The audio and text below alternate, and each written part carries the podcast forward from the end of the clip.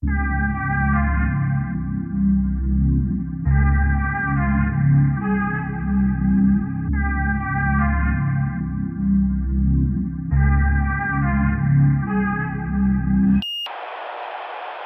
hamnade du i Göteborg? Ehm, jag såg ett jobb på Hammarkullskolan som rektor som jag tänkte var kul. Eh, och så hade jag jobbat i Rinkeby, Husby, Kista länge och kände att eh, Mhm. det är dags att göra någonting annat. När var det? Och sen har När vi- du jobbade i Rinkeby?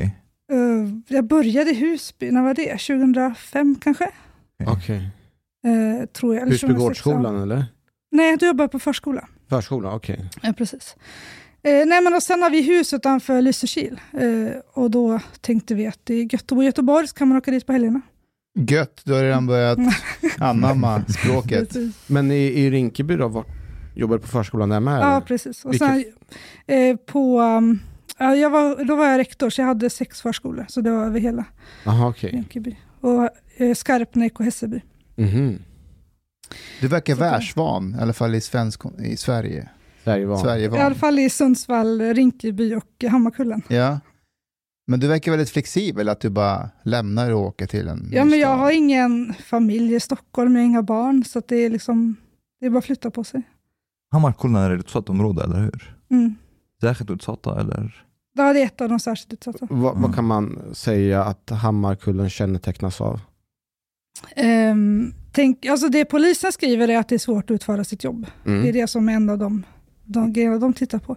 Men för oss skulle jag säga att det är väldigt vetgiriga barn, väldigt härlig elevgrupp. Otroligt engagerad personal. Uh, Hammarkullen har väldigt mycket så här, föreningsliv, eh, väldigt aktiva invånare. Det finns eh, väldigt liksom, starkt driv att, ja, men att göra Hammarkullen bättre. Mm. Det påminner lite grann om Rinkeby också, som har ett starkt, väldigt starkt föreningsliv. Mm. Mm. När, när jobbade du i Rinkeby? Eh, gud, sen var det? så. 2012 tror jag började där, Mhm. till Ah, okej. 2016. Ja, Ja, okej. Då har du kanske stött på min pappa. Han är idrottslärare där. Då. kanske. Vilken skola var du på? Det var på förskolan, så det var Ah, okej. Men vi hade ju överlämning och så med skolan. Ja. Cool. Men det är väldigt, alltså, man pratar mycket om att det är särskilt utsatta områden och att det skulle vara så tungt. Alltså, det är ju ett tufft jobb att jobba där givetvis.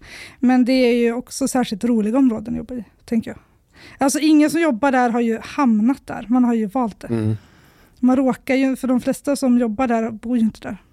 Man kan väl också säga att det är många elever som är, som har karak som är karaktärer. De har glimten i ögat, försöker väl liksom ta sig fram på olika sätt. Ja, vi har ju ingen elev som liknar någon annan. Nej. Det gillar jag. Jag gillar att det är så, det är sånt spektrum av Eh, härliga personligheter. Men en sak som jag funderar på där du säger att det är ju så att det inte, alltså att lärarna själva medvetet väljer att jobba i det området.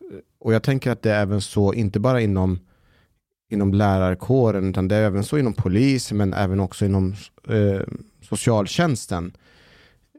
Vad tror du att det får för effekt? Att det är liksom att man medvetet väljer ett ställe kontra att man bara tar vilket ställe som helst, alltså att det blir en blandning mellan olika typer av Nej, men jag tänker att det finns ett driv. Någon, man, är ju, man vet ju om man går in i. Eh, det är ju inte många, de blir ju inte förvånade liksom, vad de ställs inför. Eh, så det är väl, och sen tänker jag att man stannar, man har ju valt att jobba där. Mm. Jag har inte särskilt hög personalomsättning. Mhm. Det är någon som slutar ibland sådär, men det är inte så att liksom hälften går varje år, utan ja, i år är en lärare slut som har jobbat i det, åtta år, det är inte konstigt, man har Nej. varit länge på samma ställe. Men man, de flesta stannar ju och tycker det är väldigt roligt. Och får fråga, är det en högstadieskola eller Nej, mellanstadie? nu har jag förskoleklass till trean. Okej. Så innan, nu förra läsåret hade jag även mellanstadiet nu, men nu har vi fått en till rektorskollega. Så nu kommer jag bara inom situationstecken ha grundskolan efter tre. Men, hur många av, av barnen, eleverna, är med, har invandrarbakgrund? 100 procent. 100 procent?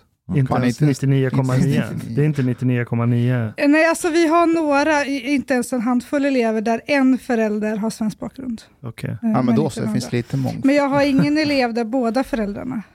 Men, men, svensk på tal om det här med att hamna och välja. va- Varför valde du till exempel Hammarkullen?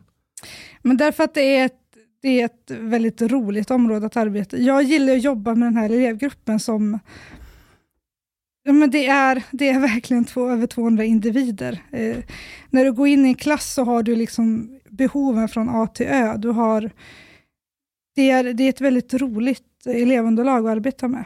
Det är väldigt tacksamma föräldrar. Väldigt, väldigt tacksamma. Mm. Jag tänker också att, eh, rätta mig om jag har fel, men eh, jag jobbar ju mot skolorna i vårt område och det är en jättestor skillnad på en mellan, mellanstadiet och högstadiet. Där upplever jag att det är en betydligt större personalomsättning. Mellanstadiet på något sätt, det verkar vara lite mer chill, liksom att allting funkar ändå hyfsat bra. Ja, alltså, det kanske är överdrivet att säga att det funkar jättebra, men jag funkar tänker, bättre. med de lägre åldrarna så är det ju, alltså vi har ju barn från 6 till 9 år. Eh, Det, det är ju lättare på ett sätt att hantera deras exempel utåtagerande beteende än om det är en 14-åring Mm. som kanske också är en halv meter längre än vad jag är. Eh, Så på så sätt är det lite lättare med de små. Och vi har ju, majoriteten av våra konflikter handlar ju, det är, om, det är på fotbollsplanen. Mhm. De kan inte fotbollsreglerna. Och du tog bollen och så blir det en box istället för, ja, tills de har lärt sig. Det är Så- som integrationen. Vi har ju väldigt mycket, alltså många, de, majoriteten av våra konflikter handlar ju inte, har inte sin grund i diskrimineringsgrunden, utan det är mycket mer här och nu, att någon gjorde någonting som jag reagerar på. Och eftersom att de också har eh, så underskott på svenska språket, så har de ju inte känslospråk på svenska. Det de, kan inte, de kan inte kanske berätta vad de tänker, känner och tycker på svenska. Och då är det mycket lättare att man tar till en box eller man puttar någon eller så. Du Mustafa, när du var, kom ny till Sverige, kände du igen att du använde mer fysiskt när inte du kunde språket?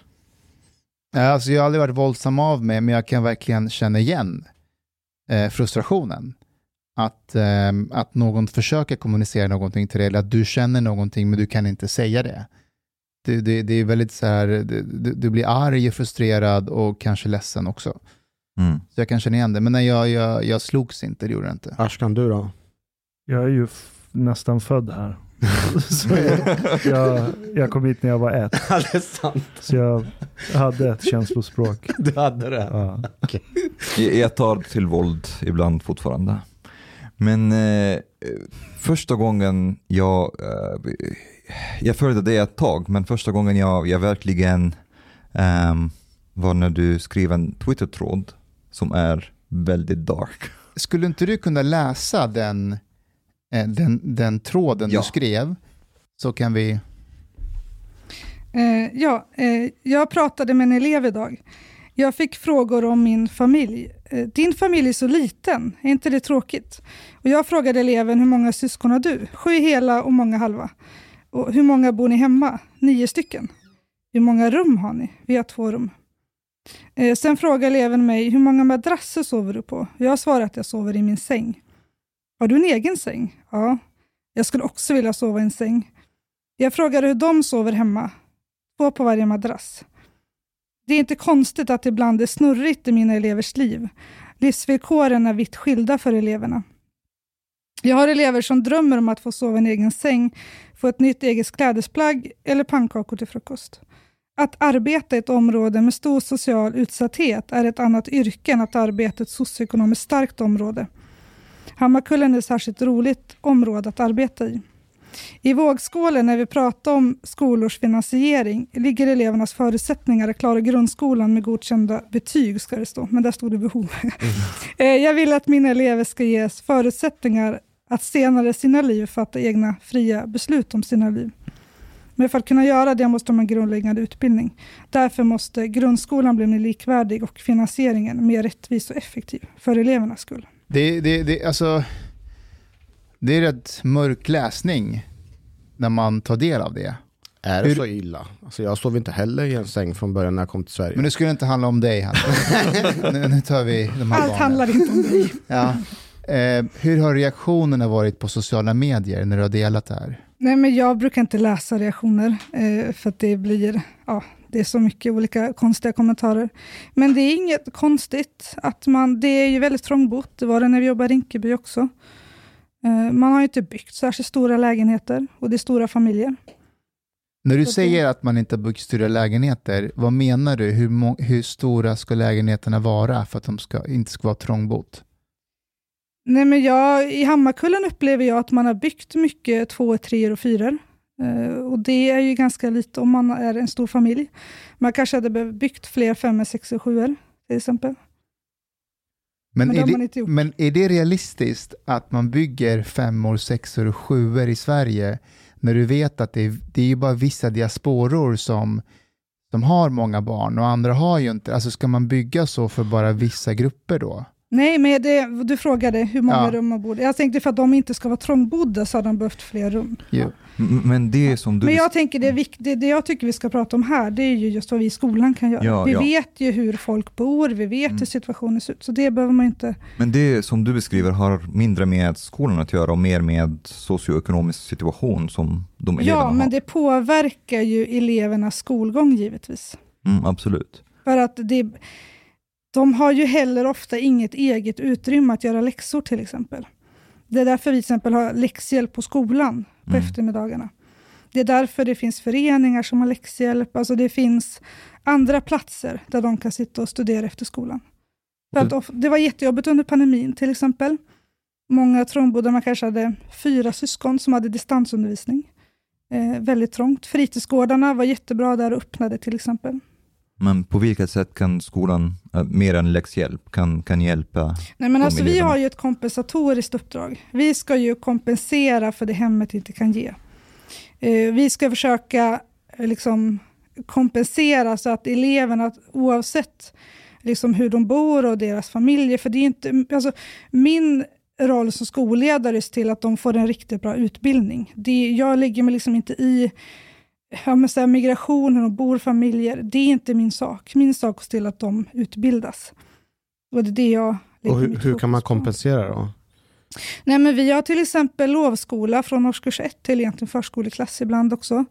Eh, där får de ju 200 timmar extra undervisning i svenska varje år. Vi har 10 veckor per år. Nu under pan- pandemin kunde vi inte ha det, men nu kommer vi köra igång igen med alla 10 veckor nästa läsår. Eh, vi har läxhjälp extern. Eh, lärarna har eh, hjälpstund ofta efter lektionstid. Eh, vi har mycket läxor. Mm. Eh, fritidshemmet har också viss liksom, möjlighet där de kan eh, sitta och repetera. Framförallt behöver de mycket repetition för att befästa. Eftersom att de inte de går i en skola med underskott på svenska språket. Men de växer också upp i en miljö med underskott på svenska språket. Så att vi jobbar jättemycket med att bygga ordförråd, att liksom lära dem eh, många ord, alltså framförallt också ett akademiskt språk. Men det är svårt att befästa det, för de använder det ju inte utanför skolan. Mm. Från att de vistas i en miljö utanför skolan där man inte använder ett svenskt eh, språk, så att säga. Så att det är vår, det är det vi kämpar mest med. Och det är där vi också hela tiden pratar, alltså hur kan vi bli bättre på det? För att vi gör ju samma screeningar som alla andra barn i Sverige gör. Och det är ju ordförståelse de ofta får rött på. Men det jag tänker på, när du säger att ni har extra undervisning, är det befintlig, alltså fast anställda personal som jobbar extra på helgerna och loven och då, eller är det, hur funkar det där? Jag tänker att vanliga lärare har ju så här kollektivavtal. Ja, nej, men på läxhjälpen har vi pensionerade lärare som kommer några eftermiddagar i veckan, eh, som själva jobbat området i många, många år, så de kan ju det här elevunderlaget. Eh, men lovskolan har jag, lov, har jag lärarstudenter som Mhm. går sista året, eller sista terminen. Det blir ingen extra belastning på den ordinarie personalen? Nej, utan det de gör ibland, men det gör de ju mycket på eget initiativ, det är att stanna kvar ibland och hjälpa elever. Men sen har jag lärarstudenter. Dels är det ett sätt för mig att framtiden rekrytera, för att jag knyter dem till mig, och för att de får ju världens bästa extrajobb. Att som lärarstudent ha ett extrajobb där du får undervisa, den åldern du senare ska jobba med är ju jättebra. De får ju betalt och ändå mer träning och praktik, liksom, och träna och leda en grupp och så vidare. Det verkar som att språk är ett centralt tema här i varför det krävs ja, men en sorts en annorlunda skolgång jämfört med en genomsnittsskola i Sverige. Eh, skulle du säga att språk är det största hindret som du har? Eh, ja, absolut. Som att, som att vi... Det som är svårt för oss är att de ska befästa ett svenskt språk, så att säga. Och, och ser, att de någon, använder det för lite. Och de går ju inte i skolan så många timmar heller i Sverige. Ser du någon diskrepans mellan de som är nyanlända här och gentemot de som är födda i landet? Är det jättestor skillnad? De nyanlända lär sig svenska snabbare och bättre än de som är födda här. Och vad Va? kan det nyanlända är ju vårt minsta problem. Så. Mm. De lär sig ju på några månader. Så pratar de bra svenska. Och vad beror det på? Eh, Därför att de har ett starkt modersmål och hänga upp det svenska språket på. Mhm. Det är min... Det, det jag tänker. Kan, du, just för, kan du förklara det en gång till? Jag har hört det förut men jag förstår inte riktigt vad det innebär. Nej, men alltså många av våra elever som är födda i Sverige, eh, de har ju ofta inte lika starkt, de har inte så starkt modersmål ofta. Det kan, ofta. Vi har ju också föräldrar som pratar ganska bra svenska, men då pratar ju de ganska bra svenska med sina barn, men kanske inte i så mycket modersmålet, vilket gör att de kan ju lite, de har ganska svag i sitt modersmål, och de är ju i en miljö, både i skolan och hemma, med svag svenska språk, och då blir det ju dubbelt svagt så att säga. Eh, Men om du kommer nyanländ så har du ofta ett, eh, ett helt flytande modersmål. Vilket Right. gör att du har lärt dig strategier för att lära dig ett språk i grunden redan. Och då är det lättare att lä- Shit. använda den strategin för att lära sig till språk. Det är Men- därför det är så viktigt med just eh, att man har hemspråk i skolan. Ja, hemspråk är, det, är, det är i och för sig bara drygt en timme, men framförallt pratar vi mycket med föräldrar om att bara prata modersmålet hemma. Ja, för Ah, hemspråksundervisning. Alltså om du, om du har ett svagt modersmål hemifrån och sen har svårt att lära dig svenska, då kommer ju inte modersmålsundervisning i skolan hjälpa dig heller. Ingenting. Men, men det här, alltså det här Eh, är... En sekund bara. Ja. Du sa att ni pratar med föräldrarna att de ska prata modersmålet i, Hemma. hemma. Mm. Som till exempel arabiska, eller hur menar Mm, du? precis. Aha. Men de Det Är bättre att de pratar arabiska till exempel med barnen än de pratar sådär svenska? Ja, absolut. Så att sense. barnet får ett starkt modersmål. Förstår. För då Mm. blir det lättare. Eller det, vi märker, om, när vi tittar på de, de resultat vi har, så märker vi att de elever med väldigt starkt modersmål, de får ofta en bättre progression i svenska språket. Det här är he helt eh, nytt för mig. Jag har aldrig Mm. tänkt på det här. För jag, tänker, jag är i princip född här. Jag kom hit när jag var ett. Jag har bara pratat farsi hemma med mina föräldrar. Aha. Bara. Jag, jag har aldrig pratat svenska med dem. Jag kan fortfarande inte prata svenska med dem. Det skulle kännas jätteonaturligt. ja, men det är samma här. Men, men jag förstår inte, om, Mm. om du inte är nyanländ och du är, född här, varför pratar inte föräldrarna modersmålet med barnen? Försöker de prata svenska för att kanske skynda på dess integration? Eller, den behöver inte integreras på Nej, samma men när sätt. föräldrar börjar lära sig svenska vill ju de också använda svenska för att bli bättre på det. Och då pratar man ofta svenska hemma. Men man pratar ju fortfarande inte på den nivån att det hjälper barnet Nej. i deras akademiska språk. Så att Men, säga. men det är lite counterintuitive.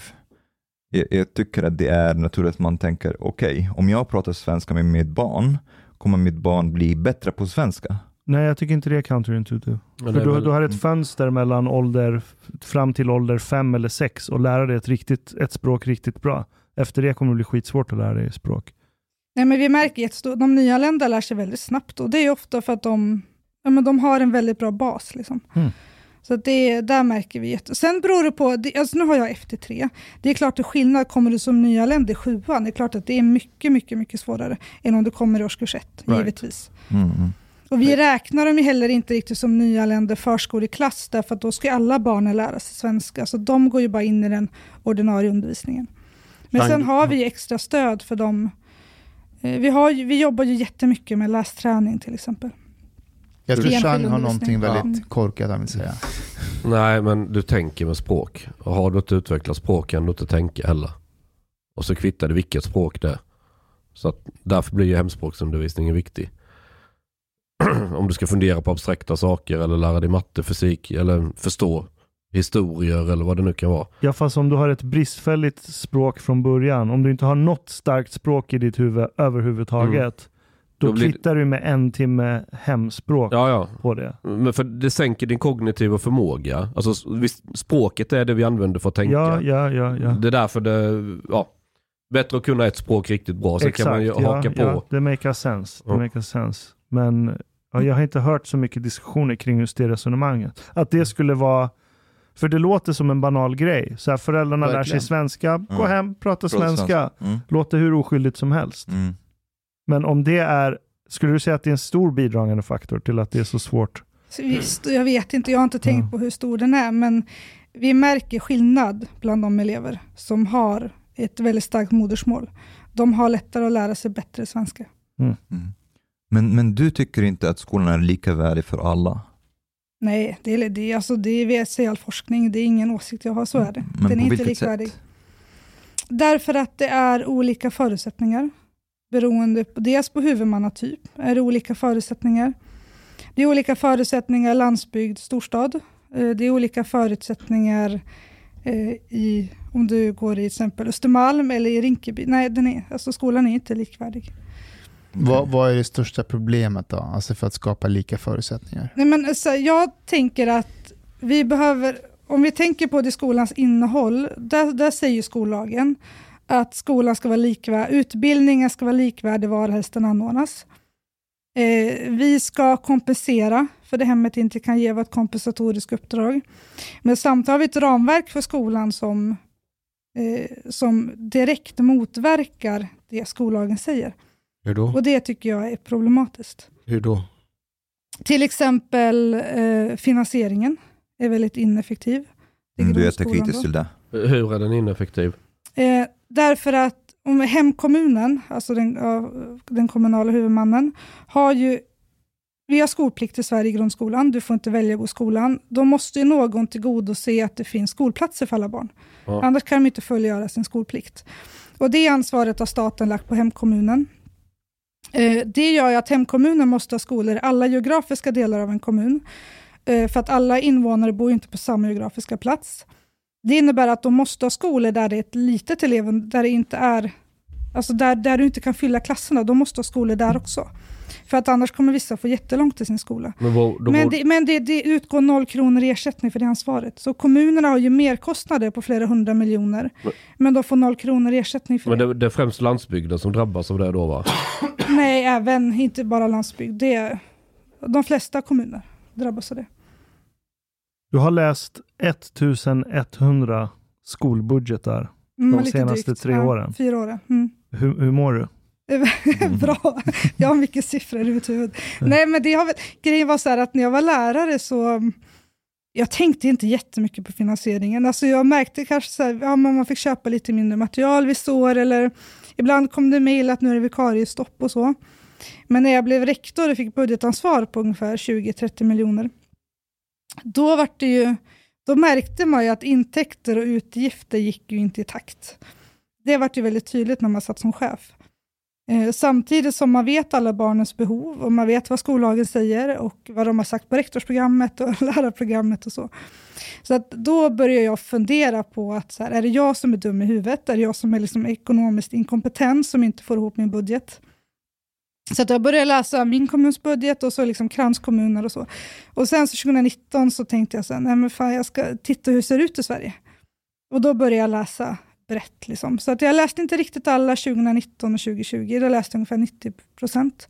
Men 2021 och i år har jag läst alla 290. Vad, vad, finns det något mönster, något genomgående mönster i 1100 skolbudgetar i Sverige? Ja, det, mönstret är ju att man gör eh, strukturella nedskärningar. Alltså att man in, om jag har en lönerevision på 3% då kanske jag får en uppräkning på 1,5 i min budget. Då är det glapp där på 1,5 procent. Den måste jag ta någon annanstans ifrån. Eh, jag har prisökning kanske på 2% men jag får 1 uppräkning för Prisökning på... eh, jag menar, inflation, att böcker blir dyrare, pennor blir dyrare, och så, hyran och så vidare. Jag betalade 44 kronor för en cortado idag. Jag betalade 40 kronor bara för en vecka sedan. V- vad är en cortado? Vi får updates om cortado varje avsnitt. Det är en kaffe med mjölk. vad sa du? Det är en kaffe med mjölk. Då kanske ska Ja. ja. kaffe hemma framöver. Nej, men jag, gillar, jag får inte köpa en sån här kaffemaskin för min tjej. Jag vill ha en riktig som man så här med kaffebönor och så, men hon vill inte det. Men köp när hon åker på semester nästa gång, så bara titta vad jag har. Jo, jag vet. Så jag, så jag, min, min plan är att jag köper kaffe varje dag ute Mm. och så ska jag visa henne alla kvitton i slutet av året och säga kolla, för jag hade kunnat köpa en kaffemaskin. Men vänta, tar inte du de här kafferna på företaget ändå? Nej det, nej, det är jättedumt. Jag ska bara förklara. För då Men, måste jag skicka det till min revisor och så tar han betalt för att redovisa det. Jag kommer gå bara back. Det är bättre att betala betalt. Ja, nej, men i alla fall, det är det jag ser. Det som är grejen då, att, att de strukturella nedskärningarna är ju då att vi får inte uppräkning av vår budgetram för att motsvara lön och prisökning. Men samtidigt gör man just politiska satsningar. Politiker älskar ju att bara strössla mål över skolan. Eh, och Det kan ju vara liksom sida upp och sida ner i budgeten med mål. Eh, och det, Varje sånt här mål ska ju tas om hand. Eh, och Då anställs det ju processledare, verksamhetsutvecklare, alltså folk centralt och som ska ta hand om alla politiska mål. Och De är ofta kortsiktiga, de är ofta i projektform. Och Det gör att då kan politiker stå i lokal media och säga nu satsar vi 15 miljoner på språkutveckling och 10 miljoner på NPF till exempel. Alla, alla lärare ska få utbildning i NPF. N, Så. vad sa du? NPF? Ja, New Public... nej, neuropsykiatriska funktionsnedsättningar. Jaha, men det är, det är väl samma sak? NPM, New Public Management, det är styrnings... Ja, men inte det och neuropsykiatrisk funktionsnedsättning ganska synonymt? Det är din tolkning. Ja. Nej men i alla fall, och då, då kan de stå i lokalmedia och säga så titta vad vi satsar och nu har vi lagt 15 miljoner på det här. Samtidigt som vi fortfarande måste skära ner därför att vi får inte kompensation för lön och prisökning. Så ljuger de eller satsar fel eller vad? Alltså ljuga vet jag inte, de kanske väljer vad de vill säga. Och där tycker jag att journalister måste steppa upp. Alltså lokaljournalister ska inte prata med en skolpolitiker utan att ha läst budgeten. Någonting som är jättemärkligt som du skrev i rapporten. 90 procent av kommunerna har krav på nedskärningen i grundskolan i år. 90 procent. Ja, förra året var det bättre, det var 97,9. Va? Och politikerna de står hela tiden och säger att vi satsar mer på, på Ja, men de, skolan. gör, ju- de gör ju politiska satsningar, men de gör ju strukturella nedskärningar samtidigt. Har jag förstått rätt i att budgetdisciplin står över själva skollagen? I många kommuner så står det rakt ut i budgeten att när verksamhetens behov står emot eh, ekonomin så är det ekonomin som ska prioriteras.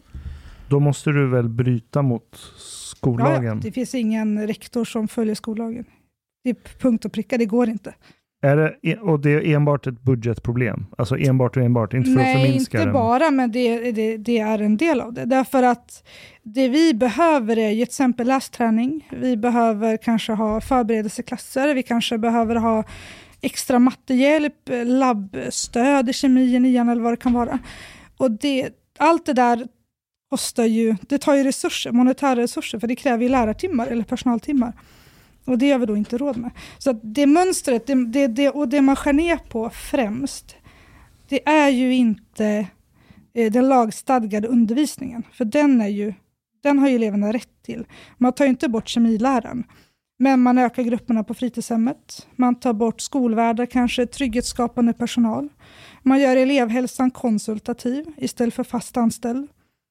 Eh, så att det gör att man tar ju bort också allt stöd som finns runt lärarna. Det gör att deras arbetsbelastning ökar ju jättemycket. Därför då måste de dels ge allt stöd till eleverna, förvänt, det kan de inte de förväntas.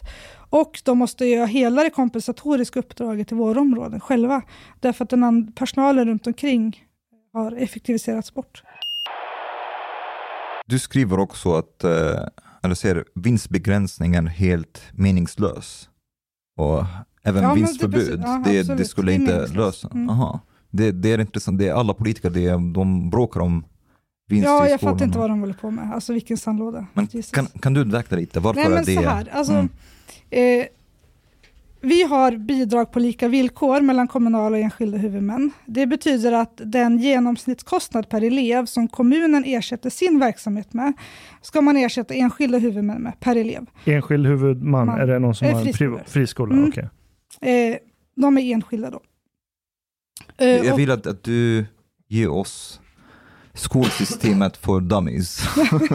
yes. Nej men som sagt, man har, en, man har lika, bidrag på lika villkor heter det. Eh, skolpeng nämns ju inte i skollagen, men det är det man säger i folkmun. Eh, och det gör ju att för att enskilda huvudmän då ska göra ett överskott, vilket de måste göra för att kunna expandera bland annat, Eh, då måste de bedriva undervisning till lägre kostnad per elev. Därför då uppstår glapp mellan det kommunen har i sitt snitt och det de har i sitt snitt. Det glappet blir ju det som sen då blir ett överskott. Och det är det, här, det är det som är problemet, därför det skapar liksom en jakt på lönsamma elever. Eh, Det är det som gör att man har färre skolbibliotek med utbildad bibliotekarie i friskolor. Man har färre specialsalar, mindre skolgårdar. Man har ofta inte egna idrottshallar. Eh, Man har ofta inte specialsalar, typ kemi och så. Inte ens egna restauranger. Nej, utan man kanske ger ett måltidskort. Då behöver man inte bygga ett restaurangkök och anställa personal. man har ofta mer konsultativ elevhälsa än vad kommunala huvudmän har. Och det, det, det är det här som, det här överskottet används ju för expansion. Och Det är ett mycket större problem än att man tar ut vinst. Många skolkoncerner de delar inte ut vinst varje år. De kanske delar ut var 50 år eller något. Eller inte. Men det är därför jag menar att om man förbjuder vinsten, då kommer de ju starta eh, liksom skolmåltid AB, då kommer de starta fastighetsbolag. Och då kommer de ju flytta resurser inom sin koncern och använda koncernbidrag och ta ut vinsten i det bolag som inte är huvudman för skolverksamheten. Och därför är det meningslöst att förbjuda vinster. Det vi behöver göra är att täppa till glappet som är mellan kommunala och enskilda huvudmän i finansieringen. Då kommer ju incitamentet för lönsamhet att minska. Och Det kommer ju göra att man inte gör lika stort överskott och man kommer inte kunna expandera i samma takt. Om man tittar på siffror från SCB, e kan ni gissa hur mycket skolan i Sverige kostar per år? Alltså, Alltså Ungefär hur mycket, 20 procent av BNP. ja, alltså 321 miljarder cirka går till skolorna. Alltså, eller vad, vad, vad, hur mycket det kostar. är det inte så mycket? Gissa hur mycket skolkoncernen gör i vinst per år. Alla skolkoncerner tillsammans. Säkert något litet. En miljard. Ja, det var inte Mm. mycket. Så vi har liksom 321 miljarder och det är en miljard som går i vinst. Så då är frågan, varför har vi en debatt om vinsterna? Ja, det undrar jag också. Det är helt meningslöst. Alltså bara sluta prata om Men det. jag bara funderar, du pratar som att det är ett problem att några skolor går med vinst. Nej, Nej, nej. nej, problemet är incitamentet för lönsamhet. Att vi överkompenserar friskolesektorn, det är ett problem. För får de mer pengar än... Nej, de får ju samma, eh, samma bidrag som, som hemkommunen, Ja. men de har ju ett, ett mindre ansvar. Än Men är, hemkommunen är då har. inte staten en väldigt dålig kravställare bara? Jo. Absolut, det är därför det behöver ändras. Men skulle det vara bättre att, ja, jag vet inte, förbjuda friskolor? Nej, nej, absolut inte. Nej.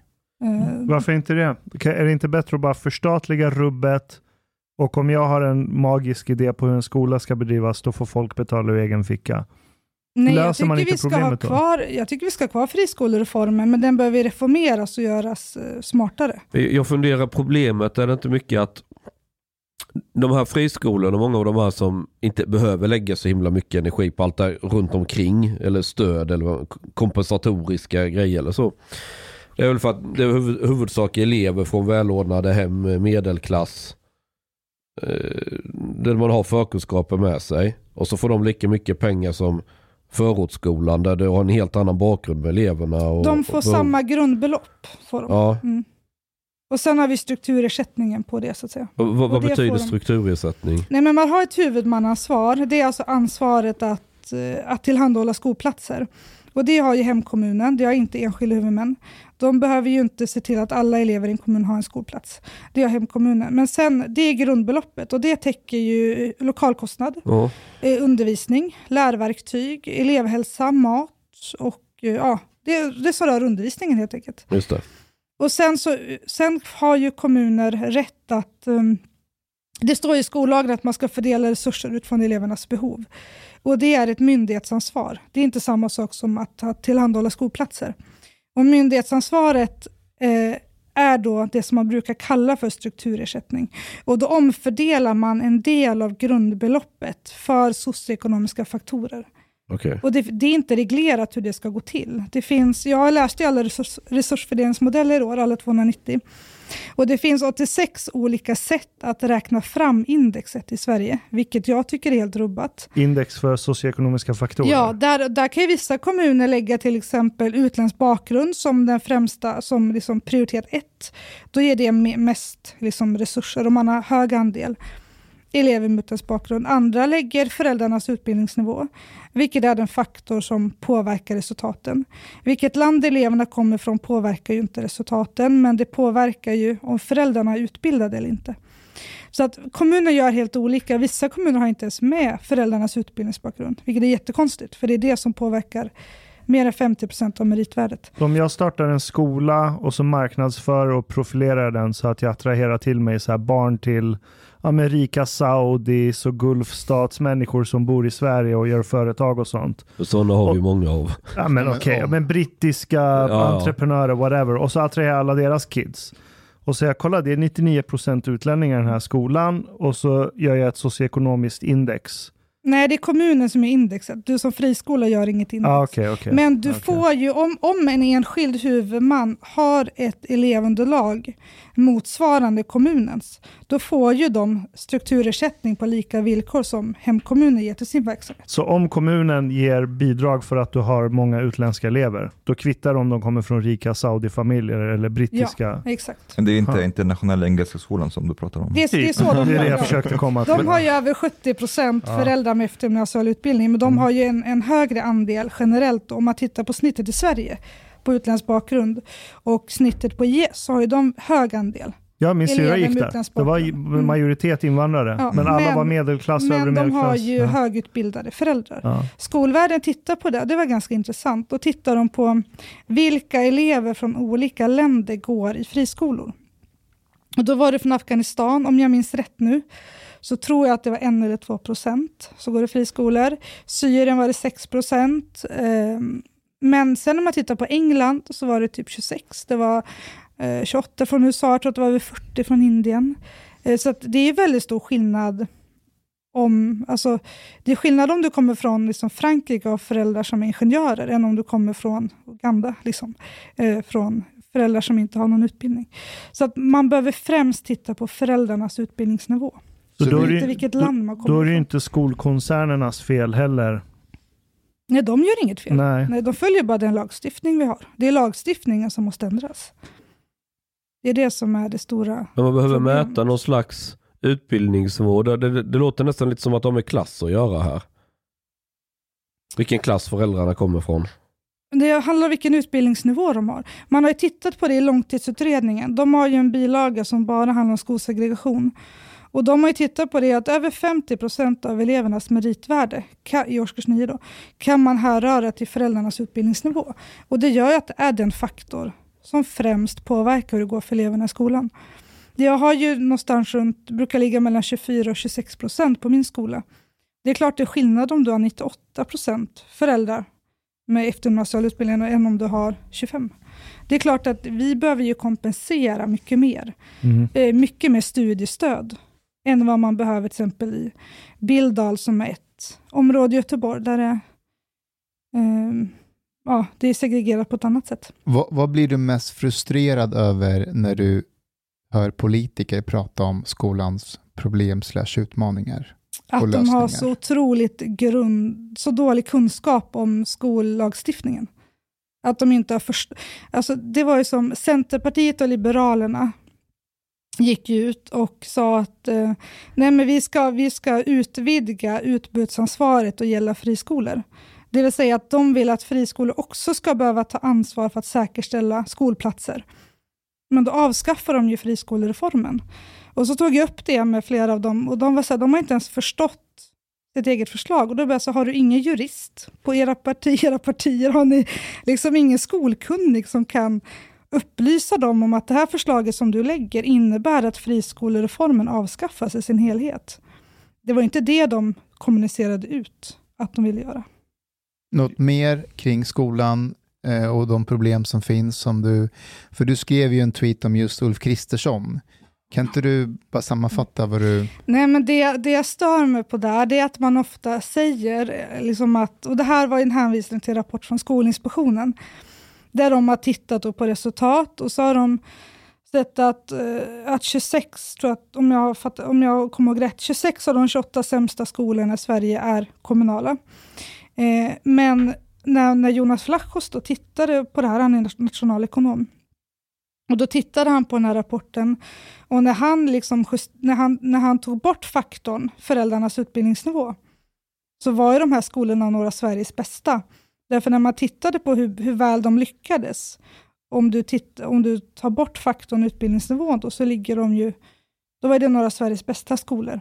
Och det är viktigt att tänka på det, att när man pratar om om vilka skolor som är bra och vilka som är dåliga, vad en bra och dålig skola är, kan man diskutera.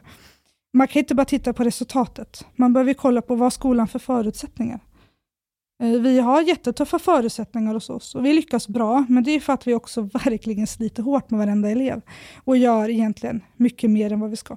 Men behöver ni bara mer resurser eller? Alltså jag tycker att vi ska börja med att fördela de resurser vi har på ett bättre sätt. Sen kan man ju se, behövs det mer? Vad, hur ser dina förslag ut, politiska förslag? Om Linnea fick eh, komma med fem punktsinsats för skolan. Eh, först skulle jag differentiera skolpengen, så att det? kommunerna får ersättning för sitt ansvar att tillhandahålla skolplatser för alla barn. Det tycker jag är det absolut viktigaste.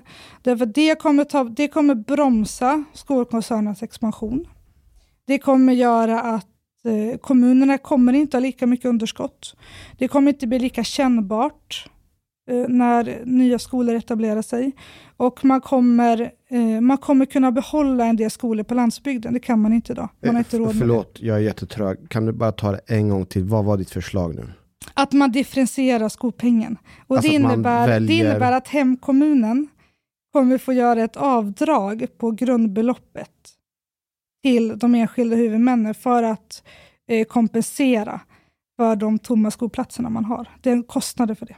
Chang, vill du förklara vad jag inte fattar? Så här. Hanif, du, i, i vissa kommuner Ja, och folk bor mer glesbygd. Ja, just det. Då Ja. måste du ha flera småskolor Ja, just det. för att Ja. Mm. det inte ska bli för långt avstånd. Men bo, folk samlade i en stad och alla nära till samma Ja, skola. just det det. betyder att då kan du ha en stor lokal och ha många elever. just, just Men ska du dela upp detta på massa mindre, Mm. då blir det dyrare. För att på varje ställe måste du ha en rektor, du måste ha, du vet. Just. Skolkök, Så du kan ha väldigt många elev, fler elever på en rektor och på en eh, sekreterare eller vad det nu har. För, det kallas overhead. Det är också ett svårt ord. Men, men, men eh, så, så att det blir en dyrare kostnadsmassa men då anpassar man pengar som de får. Differentiera, anpassa. Ja, därför att Precis. ja, man anpassar det. Så att det blir mer rättvist. Så att ute på landsbygden i Gällivare så har kommunen jättestor och de behöver två skolor för det blir för långt för barnen att åka. Då får de lite extra pengar eftersom de här två skolorna separat blir dyrare att driva än om du skulle slå ihop alla elever på ett och samma fysiskt ställe. Nu är jag med. Det kallas stordriftsfördelar när man gör så. På, men på vilket Nej, och, sätt? det, och, det, precis, och det som också blir när vi har den här lagstiftningen, det är ju att när, en, när framförallt skolkoncerner etablerar sig, för de är stora, de har ofta 400 plus elever. Ehm, när de etablerar sig så blir ju, det blir, liksom, det blir dyrare för hemkommuner att, att utbilda samma antal elever. Eftersom att de dels måste betala för de tomma skolplatserna och de måste betala för samma elever en gång till på den nya skolan.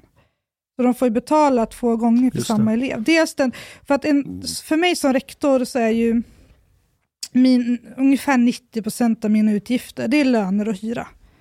Det, och det är liksom fasta kostnader. De har jag oavsett om det sitter 21 eller 25 elever i en klass. Läraren har ju, får inte mindre lön för att tre elever lämnar.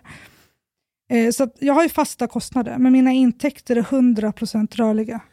Och det är ju det är dumt, för att i Sverige undervisar vi ju i skolklasser. Vi undervisar ju inte enskilt. Och då bör ju inte pengen som vi får in vara per elev. Den bör ju vara per skolklass, så att Mm. säga. Så att intäkt och utgift går hand, går i takt. Finns det något parti som, som driver det? Man har tittat på det ute i kommunerna, men inte nationellt har, de, har den diskussionen inte riktigt kommit. Man, har- man har sagt att man behöver titta på det, på skolpengen. Jag jag tänkte på en sak, du sa att 90% av utgifterna var löner och hyra. Om vi tar den här klumpen löner och hyra, hur stor är hyran skulle du säga? Det är olika i alla kommuner. Men kan vi, kan vi prata 50%, 30%? Nej, löner är ju en större, Ja, mycket större del. för en, en intressant grej med hyra, det är ju att många kommuner har ju haft schyssta skolbyggnader. De är avskrivna, man har betalt av det, och den har många år kvar livslängd. Då säljer man den till Jabattlian och SBB. Och sen hyr man den av SBB. Och då betalar du en högre peng än om du bara hade ägt skolan själv. Och de pengarna går ju sen vinstutdelning till riskkapitalister. Eh, ni förstår vad jag menar va? Mm. Och han har ju belånat det här jättehögt med SBB. Nu, nu håller SBB på att gå åt käpps- pipsvängen för han har Det var en artikel i Dagens Industri idag, var, alltså, som alltså, en av näringslivstopp som eh, dömde ut det här. Han sa att det här är, de här har ingenting på börsen att göra. Nej, alltså de har ju rasat i värde SBB som Mm. Atzinger. Men det är också väldigt intressant för kommunen vet ju om att de kommer behöva driva en skola även om 20 år, om 30 år. Varför säljer man då en skolbyggnad som man äger, den är avskriven, den är betald och när huspriser och fastighetspriser bara går upp. Varför gör man det då? Man vill, konst- ja. man vill få in snabba cash tänker jag, för att man vill göra någon investering. Jag tror att det är någon- därför i, man gör det. I någonting annat då? Ja, Som precis. inte Men- har med skolan att göra? Nej, precis. precis. Men det som jag tycker också är det stora problemet med det, det är också att man tappar ju rådighet över fastigheten. Det Rådighet. kanske är så att du har en skola idag. Bestämmande rätt. Ja, bestämmande rätt. Eh, Du kanske har, du har en skola idag, men om 30 år kanske det här behöver byggas om till ett äldreboende. Men det kan du inte göra för att du har ju sålt den. För i vårt område så tror jag att Tensta gymnasium har ju sålts, alltså det, de har sålt massor med byggnader. Var det inte någonting i Nacka där de ville sälja någonting till Engelska International School? Jag vet Jo, inte men hur det absolut, gick det det. säljs jättemycket. Stockholms stad har ju sålt ut ett helt batteri av fastigheter. Mm. Okej, punkt ett, differentieringen. Precis. Det är en grej jag inte hängde med Mm. på den bara. Och det är att det, du, jag, om jag hörde det rätt så sa du att det stoppar expansionen av koncernerna. Det kommer, inte bli, det kommer inte bli lika lönsamt att bedriva, för att nu överkompenseras ju ens friskolesektorn. Det kommer de inte göra på samma sätt om skolpengen differentieras. There isn't the gap between the... De Okej. minskar ju ga- gapet i undervisningskostnad mellan kommunala och enskilda huvudmän. Det var punkt ett. Punkt två. Eh, ett eh, reformerat skolval. Eh, jag tänker att, vi, som det ser ut idag så har vi ju eh, enskilda huvudmän har ju rådighet, bestämmanderätt över sin verksamhet. De kan bestämma var skolan ska ligga, hur många elever. Eh, de kan välja hur de ska göra reklam. De kan skicka reklam till vissa eh, postnummer och så vidare. Eh, de har egna antagningsprinciper och regler. De har administrerat sin egen kö. Jag tycker vi ska ha ett gemensamt skolval för att det systemet vi har skapat idag kräver att du är systemsmart. För att förstå. I, I med sånt Du skolval så behöver ha eh, kunskap om mm. skolsystemet för att kunna använda det. Vilket gör att det är ganska stor del, alltså det är många som inte har djup kunskap om systemet, använder det ju inte. På, så att jag tycker att det ska vara samma regler för alla oavsett huvudman. Att man ska söka, önska, ingen får ju välja skola i Sverige, vi önskar. Man får önska samtidigt. Eh, Det ska vara samma regler för antagning. Det ska vara tydligt också, så här, om jag önskar de här tre skolorna, jag får inte plats på någon av dem, vad händer då? Det måste vara förutsägbart för föräldrarna. Ökar inte det här stressen för, lä- eh, för, för föräldrarna? Om de ska vara med och göra ett val där. Men de gör ett val nu också, ett önskemål nu också. Men om de inte har något önskemål alls, kommer inte det per automatik till den närmsta skolan? Jo, men det, så kommer det alltid vara. Mm. Alltså kommunen har ju fortfarande skyldighet att ordna skolplats för alla. Så att du kommer ju, all, alla kommer ju alltid ha en skola. Eh, men det, jag tänker att det mest rimliga är att vi har tydliga regler som alla känner till. Eh, som att vi, det utökar ju också valfriheten för föräldrarna. Att faktiskt alla kan använda det. Eh, det kan ju vara så att du flyttar när barnet är fyra. Ja, men då kanske du hamnar idag, kanske du vill gå på Vittra. Ja, men då kanske du hamnar på plats 2468 i kön. Eh, då har du heller ingen chans när barnet är sex år. Så att jag tycker att det ska vara lika regler för alla. Punkt tre. Punkt tre. Eh, vi behöver begränsa den fria, fria etableringsrätten för enskilda huvudmän.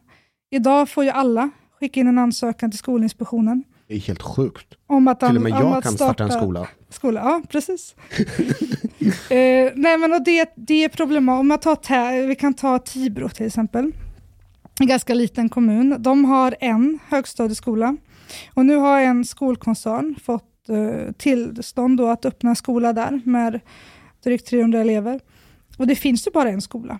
Det innebär ju att Tibros skolstruktur slås sönder. De kommer få jättestora underskott. Därför att det finns ju bara en skola som kan mata elever till den nya friskolan. Eh, och jag tycker inte att det är rimligt att, att vem som helst, vart som helst ska kunna starta en skola där det inte behövs någon skola. Eh, vi har i Sigtuna för överskott på 500 skolplatser när Engelska skolan öppnade. Vi har Härryda om dem, om det blir så att IS öppnar där, kommer få överskott på 800 platser. Och varje plats kostar ju pengar för hemkommunen. Eh, så att det är ju, jag tänker att man ska starta skolor där det behövs skolor. Inte i där det inte behövs. Här är det någon slags planekonomi och marknadsidéerna krockar med varandra. För kommunen utgår ju mer planekonomiskt. Ja, ja, ja, men jag tänker var, varför ska man starta en skola om det inte behövs en skola? Ja, nej men exakt. Men ko- kommunerna har ju ett krav att vi måste i varje kommun, vi har en plikt att se till att varje elev får gå i skola. Ja, vi har skolplikt. Ja, det. medan den som vill lajva friskola, han kan ju bara gå och plocka russinen ur kakan och köra med, vi tar det där det är mest lönsamt och så kör vi där. Men det sabbar ju då den andra som gjort, ja, för det, det, det kallas planekonomi liksom. När du, du, du, måste, du har en planering, du kan inte gå med vinstintressen utan du måste ha andra värden som styr. Det blir den här krocken som Tibro. Att den ena har ju budgeterat då för 800 elever och så försvinner hälften till en annan. Och så, ja. Och de har ju fortfarande lärare, rektor, skolbud. Ja, ja, ja. De kan liksom inte kanske hyra ut då fyra klassrum till Nisses eh, elfirma. Det kanske inte går. Alltså, de står ju fortfarande med samma lokalkostnad. Eh, de kommer stå med en hög personalkostnad. Och det, märk, det tittar man också när man ser vilka elever är det som byter till enskilda huvudmän. Alla går ju inte från samma skola. Det är några elever i varje klass i kommunerna. Vilket gör att all, i vissa kommuner får ju alla skolor underskott när det öppnar en, en, en ny skola. Och det är ju problematiskt därför att då innebär det att jag som rektor får det i mitt knä då att minska kostnaden. Men jag kanske har tappat tre elever i varje klass. Jag kanske har gått från 25 till 22. Och då, är det, då blir det större grupper på fritids. Man tar bort särskilt stöd, man tar bort lästräning. Eh, därför att jag kan inte ta bort klasslärarna. Jag kan inte ta bort ämneslärarna. Därför att eleverna har fortfarande rätt till sin lagstadgade undervisning. Så att vi rektorer sätts ju en jätteknepig... Alltså vi får ju en ekvation som vi inte kan lösa, men som vi måste lösa. Och Då står ofta i budgeten att om verksamhetens behov står emot ekonomin, så är ekonomin som är prioritet. Men kan man, nu är bara en Det dum fråga, men kan man inte göra så att man, om man tappar lite elever här och där, kan man inte ha en klass mindre och de här lärarna som är typ hemkunskapslärare och så vidare, det är inget fel att vara hemkunskapslärare, att man kan dela det med andra skolor så att man kan dela kostnaderna. För att om man, får, om man får färre klasser, då kanske... Men ofta kan man ju inte det. Om jag går från 22, 25 till 22 elever, jag kan inte ha 50 elever i en klass, eller Nej. 44 i en klass. Nej. Alltså ofta är det, eftersom att när, när det är väldigt sällan som liksom 2A flyttar till kunskapsskolan eller 3B. Det, kan, det, kan, det är ofta några i varje klass. Och man har ju som lärare, du, du kan heller inte lägga ansvar som lärare och säga, men nu får du en klass på 45. Det, går, det är omänskligt. Ja, det det får inte sant. plats. Alltså, ska de springa mellan två klassrum då? Eller, och det är det som blir så himla svårt för oss att, att eh, hantera. Men den här skolan i Tibro till exempel, ehm, den etablerar sig där och så ser du att det behövs egentligen ingen skola där. Ändå har de enligt lag rätt att starta den här skolan. Eh, fanns det verkligen inget behov för den här skolan? För jag menar, det var ju elever som började där istället för den kommunala skolan. Ja, de har inte startat än. Det är, Okej. De håller på Men vi antar att det kommer börja elever där. Mm. Varför tror du de eleverna kommer börja i den här skolan? Vad, har den, vad kan den erbjuda som inte den kommunala skolan erbjuder? Nej, men den kanske erbjuder någon annan typ av profil eller vad vet jag. Men det är fortfarande ett problem därför att det finns ju skolplats till alla barn i kommunen. Och Kan- alla barnen går ju redan i en välfungerande skola. Eh, för jag tänker så här som förälder, om jag inte är nöjd med de skolor som finns, oavsett anledning, jag är inte nöjd.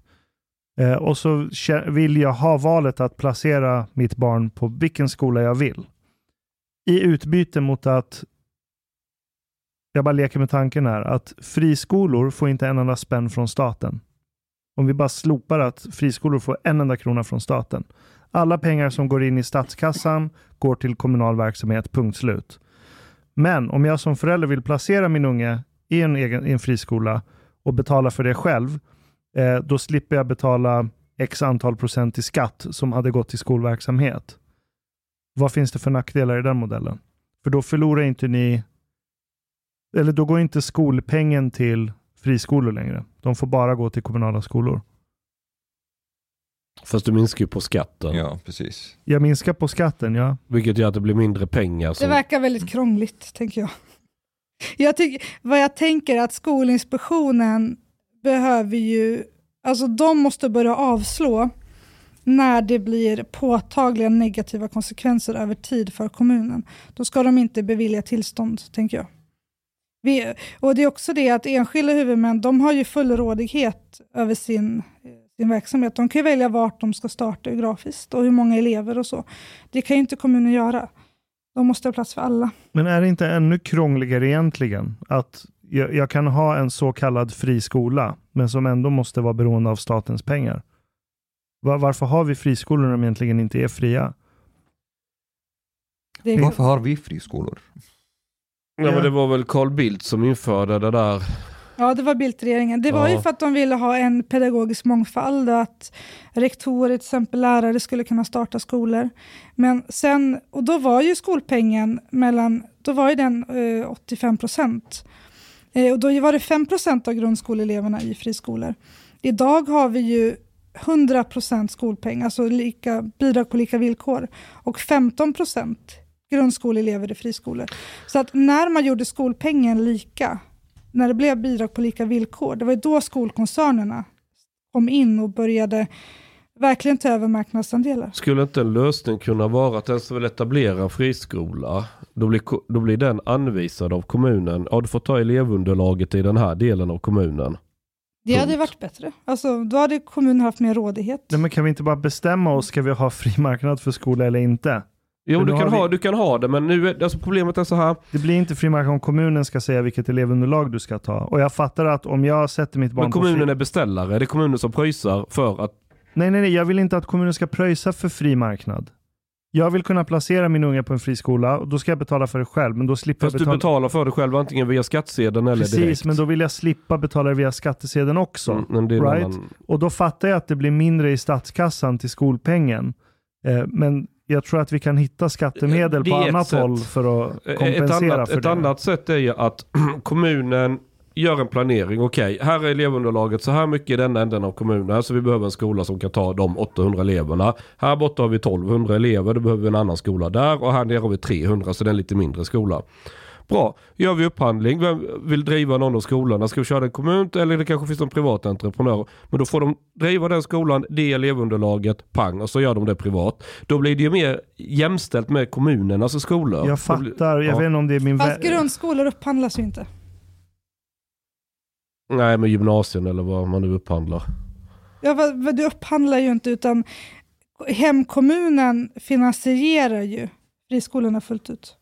Jo, det, det är det som är, det skulle hade varit bättre om det var en upphandling. Nej, det tror jag inte. Därför, att- Därför, Därför då då blir också det här att, då blir det också att du går runt och shoppar utbildning.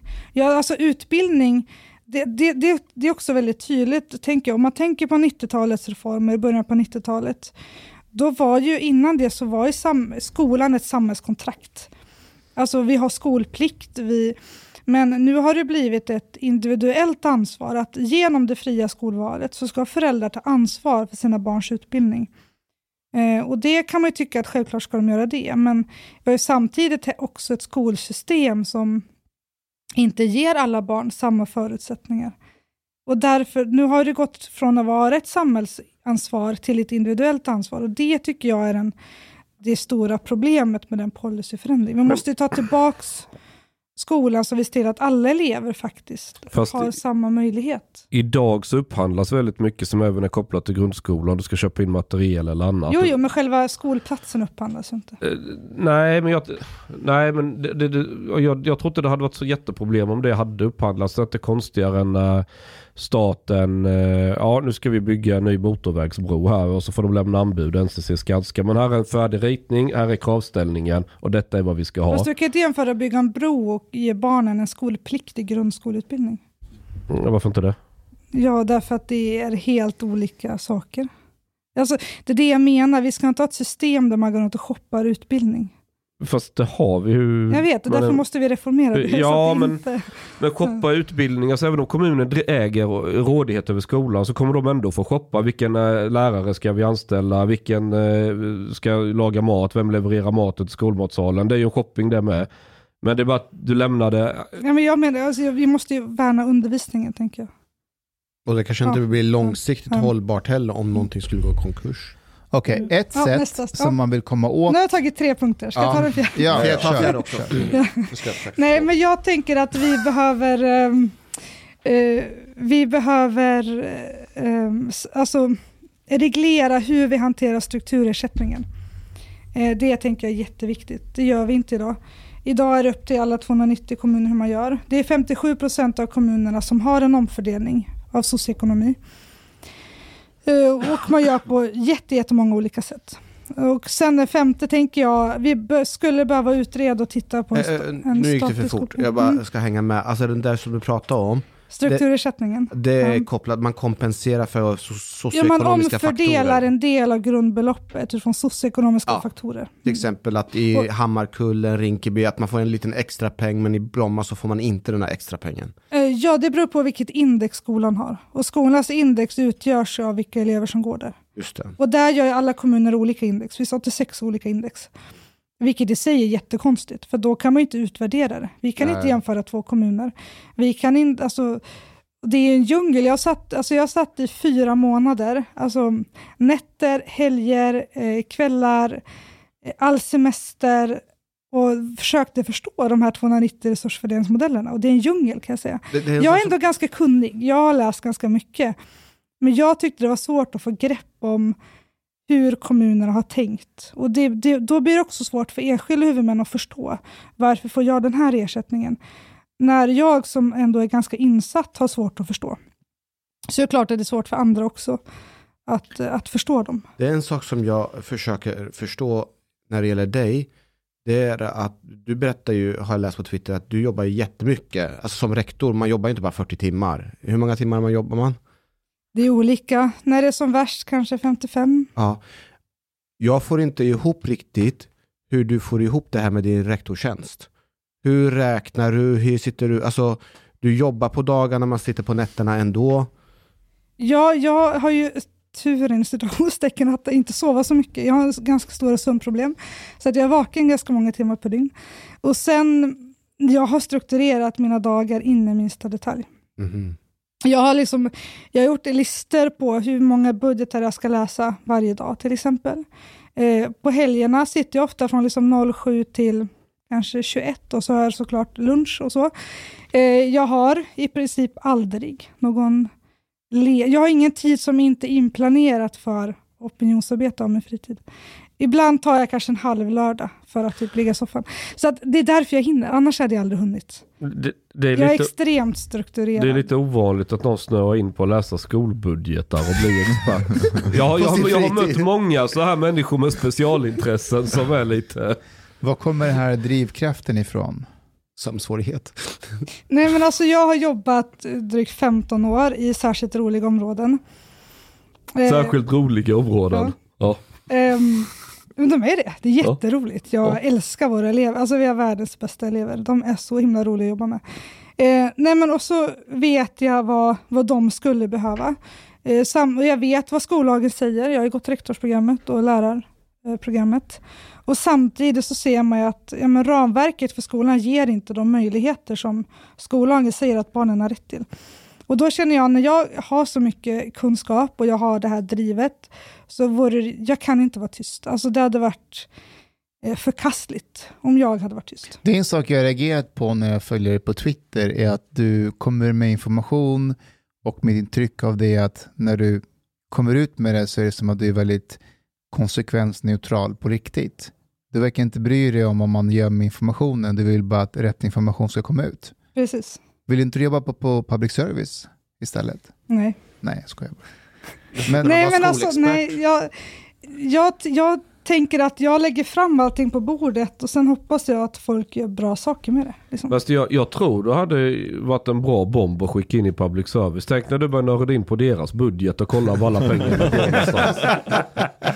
Jag, jag, jag kan se en eh, synergi här. Att jag, Jag hade gärna till exempel haft en partiledardebatt om skolfrågor. Hade jag gärna haft i Agenda till exempel. Det hade varit kul. De hade nog blivit svettiga. En sak när det kommer till eh, hur politiker pratar om hur det ska bli en likvärdig skola, samma förutsättningar, är ju en het debatt nu i den här med bussning. Och du hade ju en artikel, eller en debattartikel i GP om att, eh, med rubriken att det är fantasier om att vi skulle ha någon bussning. Kan inte du förklara? Men det handlar om lag, lagrådsförslag, eller hur? Ja, men man har ju lagt ett förslag om eh, att reformera skolvalet, ta bort köerna bland annat.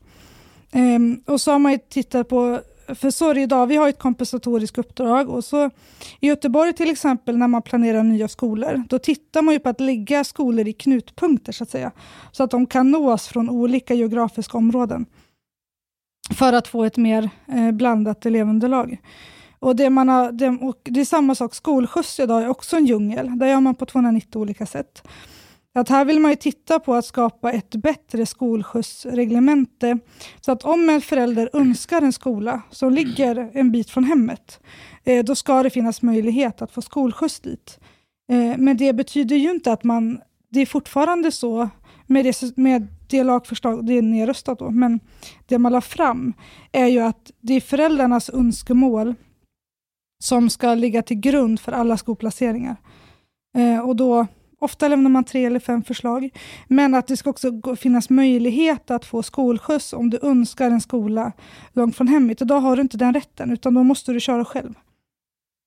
Så att det finns ju inget förslag att man ska liksom flytta en elevgrupp någon annanstans, utan det är alltid utifrån föräldrarnas önskemål. Men samtidigt i, står det i förslaget att huvudmän för förskola, klass och grundskola ska så långt det är möjligt aktivt verka för en allsidig social sammansättning av elever på sina skolenheter. Men Mm. är det inte att... Ja, men det gör man ju idag också, så gott det går. Hur då? Om inte via Nej, men till bussning? exempel när man, när man planerar skolor, så tänker man ju på vad man lägger. Man lägger vi försöker till exempel lägga högstadieskolor i knutpunkter där man kan nås från tre spårvagnslinjer till exempel. Eh, så att, men det handlar ju inte om att man ska flytta elever någonstans, utan det är alltid föräldrarnas... Eh, och sen, eh, Men, men hur ska man aktivt jobba för att eh, allsidig social sammansättning utan att blanda ihop elever? man ska ju göra det som är möjligt och är det inte möjligt ska man förklara varför det inte är möjligt. Vad, vad finns det som är möjligt då, förutom att placera skolorna? För när de väl är placerade vid till exempel tre knutpunkter vid en järnväg eller spårvagn, då går det inte att flytta på den. Så vad, vad mer kan man göra ute efter det för att ha en allsidig social Nej, man kan ju se över skolskjutsreglementet till exempel. Att eh, om du skulle vilja, säg att mina barn i Hammarkullen, de skulle vilja gå i Kviberg till exempel, som är ett lite mer blandat område, då ska det finnas möjlighet att få skolskjuts dit. Nu måste ju föräldrarna köra dem.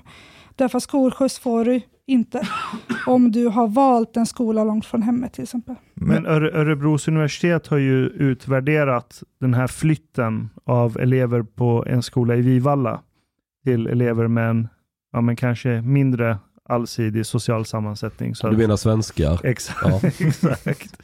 Eh, är inte det en skolbussning då på ett sätt? Nej, är men är det, inte konsekvensen får, ja, samma? men det står ju inte i skollagen, det är vad den kommunen har gjort. Man Ja, har okej, gjort sådana okej. grejer i olika kommuner. Det, man, det, det, det lagrådsremissen handlar om vad som kommer stå i skollagen. Ja. Och där kommer det stå att föräldrarnas önskemål ska vara vägledande, men att man också ska ha ett bättre och ett enhetligt skolskjutsreglemente. Så att man ska kunna få skolskjuts om man önskar en skola som inte ligger i den absoluta närheten till hemmet. Idag får man ju inte det, utan då får man ju åka kollektivt eller bli skjutsad. Men går det inte att inom den lagen, om den nu går igenom, eh, inom den lagen säga att den här skolans sociala sammansättning är inte allsidig, därför använder vi regelverket som finns kring skolskjuts för att flytta elever. Kommer inte den här lagen möjliggöra Nej, det? då måste ju föräldrarna vilja att de ska gå på en annan skola. Det är alltid det, Men det är som väl ingen förälder grund. som säger nej till att ens barn ska gå i en mer social, allsidig... Nej, men om föräldrarna, föräldrarna har ju rätt att önska vilken skola de vill. Men, men måste barn. de vilja det eller, eller om de, bara måste inte säger nej? Nej, men alltså ingen elev... Det är ju, alltså om om en, en förälder inte önskar någon skola, Ja. då får du ju ett erbjudande från kommunen för att du har skolplikt. Mm. Men alla andra önskar ju skola och då är det där eleven ska placeras. Är det en myt att de flesta föräldrarna vill att deras unga ska undvika skolor där det går mycket invandrarbarn? Det var ju en jättediskussion i Filipstad var det va? Där man, man skulle blanda skolor och eleverna, eller föräldrarna protesterade rätt ut. Var det ett Filipstad? Jag vet inte, alltså man har haft olika sådana projekt genom åren. För det så, olika kommuner. jag har Men det har ingenting med lagstiftningen att göra. nej, det var någon har- då har kommungrej. de Att man var, åh, det har blivit så segregerat. Det är mycket Mm. svenska på en skola och så har vi invandrares Mm. barn på den skolan. Alltså som Mm. skiktning. Och då ville man liksom föra ihop detta så att det blir mer 50-50 på båda. Eller var det någonting sånt. Och så blev det ett väldans liv bland föräldrarna. I alla fall i media. Ja, Örebros utvärdering visade ju att eh, betygen blir inte alls bättre för de som bor i ett socialt roligt område. Många eufemismer här nu. Eh, om man flyttar elever där det är hög andel invandrare, flyttar de till en skola där det är många svenskar, så går inte betygen upp för invandrarkidsen. Och i vissa fall blir de till och med lägre. Sen, Och det är inte konstigt, tänker jag. varför är inte det konstigt? Nej, men därför att om lärarna som jobbar på en skola med ett homogent elevunderlag, alltså så många elever med svensk bakgrund, de är ju oftast inte så bra på att undervisa elever som läser svenska 2. Alltså Okej. jag tänker att våran undervisning är ju jag tror att den är mycket bättre hos oss. Hade vi flyttat För ert underlag? Nej, men ja. hade, jag, hade jag tagit en lärarkår från en skola i ett socioekonomiskt starkt område och satt den hos mig, så tror jag inte att eleverna hade fått lika bra undervisning. I alla ämnen eller bara svenska 2? Nej, men alltså alla ämnen genomsyras av språket. Alltså matematik är också ett språk. Alltså NO har ett språk, alltså SO har ett språk. Jag, alltså, det här är bara vad jag tror. Mm. Men jag tänker våra lärare hos mig är ju, det är det här, de, de här eleverna de undervisar hela tiden. De är ju proffs på det. Dels har de ledarskapet för att leda en elevgrupp med så vitt olika liksom, förutsättningar. De har språkutvecklingen med i varenda sekund av undervisningen. De är väldigt bra på att differentiera, alltså att man undervisar på olika nivåer samtidigt. Och är du inte van att jobba på det sättet så tror jag att det skulle bli väldigt svårt. Jag bara ställa en fråga när du säger ledaregenskaper för att leda i sådana här grupper. Hur, hur skiljer de sig? Alltså Nej, vad, men- vad behöver man tänka på om man har mer blandat, blandade klasser? Vi är ju väldigt bestämda med våra barn. Alltså vi drillar dem hårt. Vi, vi tänk, alltså, det, det var en lärare som sa det för ett år sedan. Hon bara, Linnea, undervisningen är en del av mitt uppdrag, men jag måste också uppfostra barnen och föräldrarna i vad, Uppfostra föräldrarna i, med. ja, men i vad skolan är, alltså Ja. skolsystemet och vad, vad, vad vi förväntar oss av dem. Varför är det viktigt att komma på föräldramöten? Varför är det viktigt med liksom utvecklingssamtal? Varför är det viktigt att man frågar eleverna, har du gjort din läxa och så vidare. Så att vi jobbar ju, det är det, vårt kompensatoriska uppdrag är ju oändligt. Alltså, och vi, jag gör ju allt jag kan för att försöka ge lärarna så bra förutsättningar som möjligt. Jag kommer att tänka på en sån här föräldramöte en gång. Och, När du var? nej, men det var, jag tror det var rektor som berättade om detta i någon debattartikel. För detta var ganska länge sedan nu. Men det hade varit en förälder som var upprörd. Räckt upp handen under det här föräldramötet och frågat rektor så här. Min unge är ute och springer fram till tio om kvällarna på stan. Vad tänker du som rektor göra åt det? Men på, på tal om det, vad, vad är det för beteenden eller skeenden som ni ser på er skola till exempel, där ni känner att ni behöver gå in med uppfostrande insatser? Vad är det för saker ni ser som gör att ni känner att ni behöver göra det? Nej, men vi börjar ju förskoleklass med skolmoral. Mhm. Alltså så här, komma i tid, eh, man sitter på sin plats, man har ordning på sina saker, man är tyst och tittar på läraren och följer läraren. Så det jobbar vi med när barnen är, alltså från de är små. Och vad händer om det är en unge som totalt struntar i allt sånt där? Ofta gör de inte det. Eh, De, lärarna är väldigt starka ledare. Men har ni en Sen är det klart att vi har elever med svårigheter eh, som vi får jobba extra mycket med. Men, eh, nej men det, alltså i våra klassrum är det jätte, generellt är det jättelugnt. Har du en stållinjal på ditt kontor ifall ifall?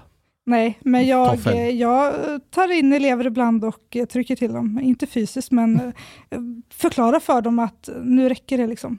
Det här beteendet Och det hjälper när man sätter hårt mot hårt eller?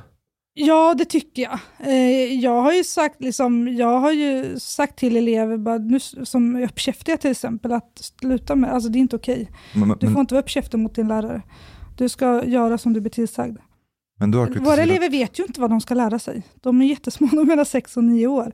Vi måste guida dem, vi måste leda dem. De ska följa oss. men du har kritiserat Moderaterna. Du, du, du skrev Moderaterna har hos sin eh, sida satsat hela valrörelsekapitalet på hårdare tag bättre lärare och mer kontroll. Det kommer inte heller lösa några av skolans problem. Nej, Finns det inte problem med ordning i skolan? Jo, men jag tänker så länge vi har ett ramverk som går emot skollagens intentioner så måste vi börja med lagstiftningen. Och det tänker jag är lagstiftarnas uppdrag. Eh, De ska lämna till professionen och lösa innehållet, tänker jag. Jag har väldigt svårt att placera det politiskt. Vad bra. Ja, men på riktigt. Fast, Ja. om man säger lämna till professionen, det där håller jag inte med om. Men det är väl så inom alla områden så vill man ju att de som är proffs ska få göra sitt jobb i fred. Ja, men Nej, alltså, det... blir lite tungt det, när någon sitter i riksdagen och säger nu ska vi ha förbud för mobiler. Man bara, fast det har ju skolor redan. Det finns väl ingen skola som bara, ja men ta fram din mobil och googla.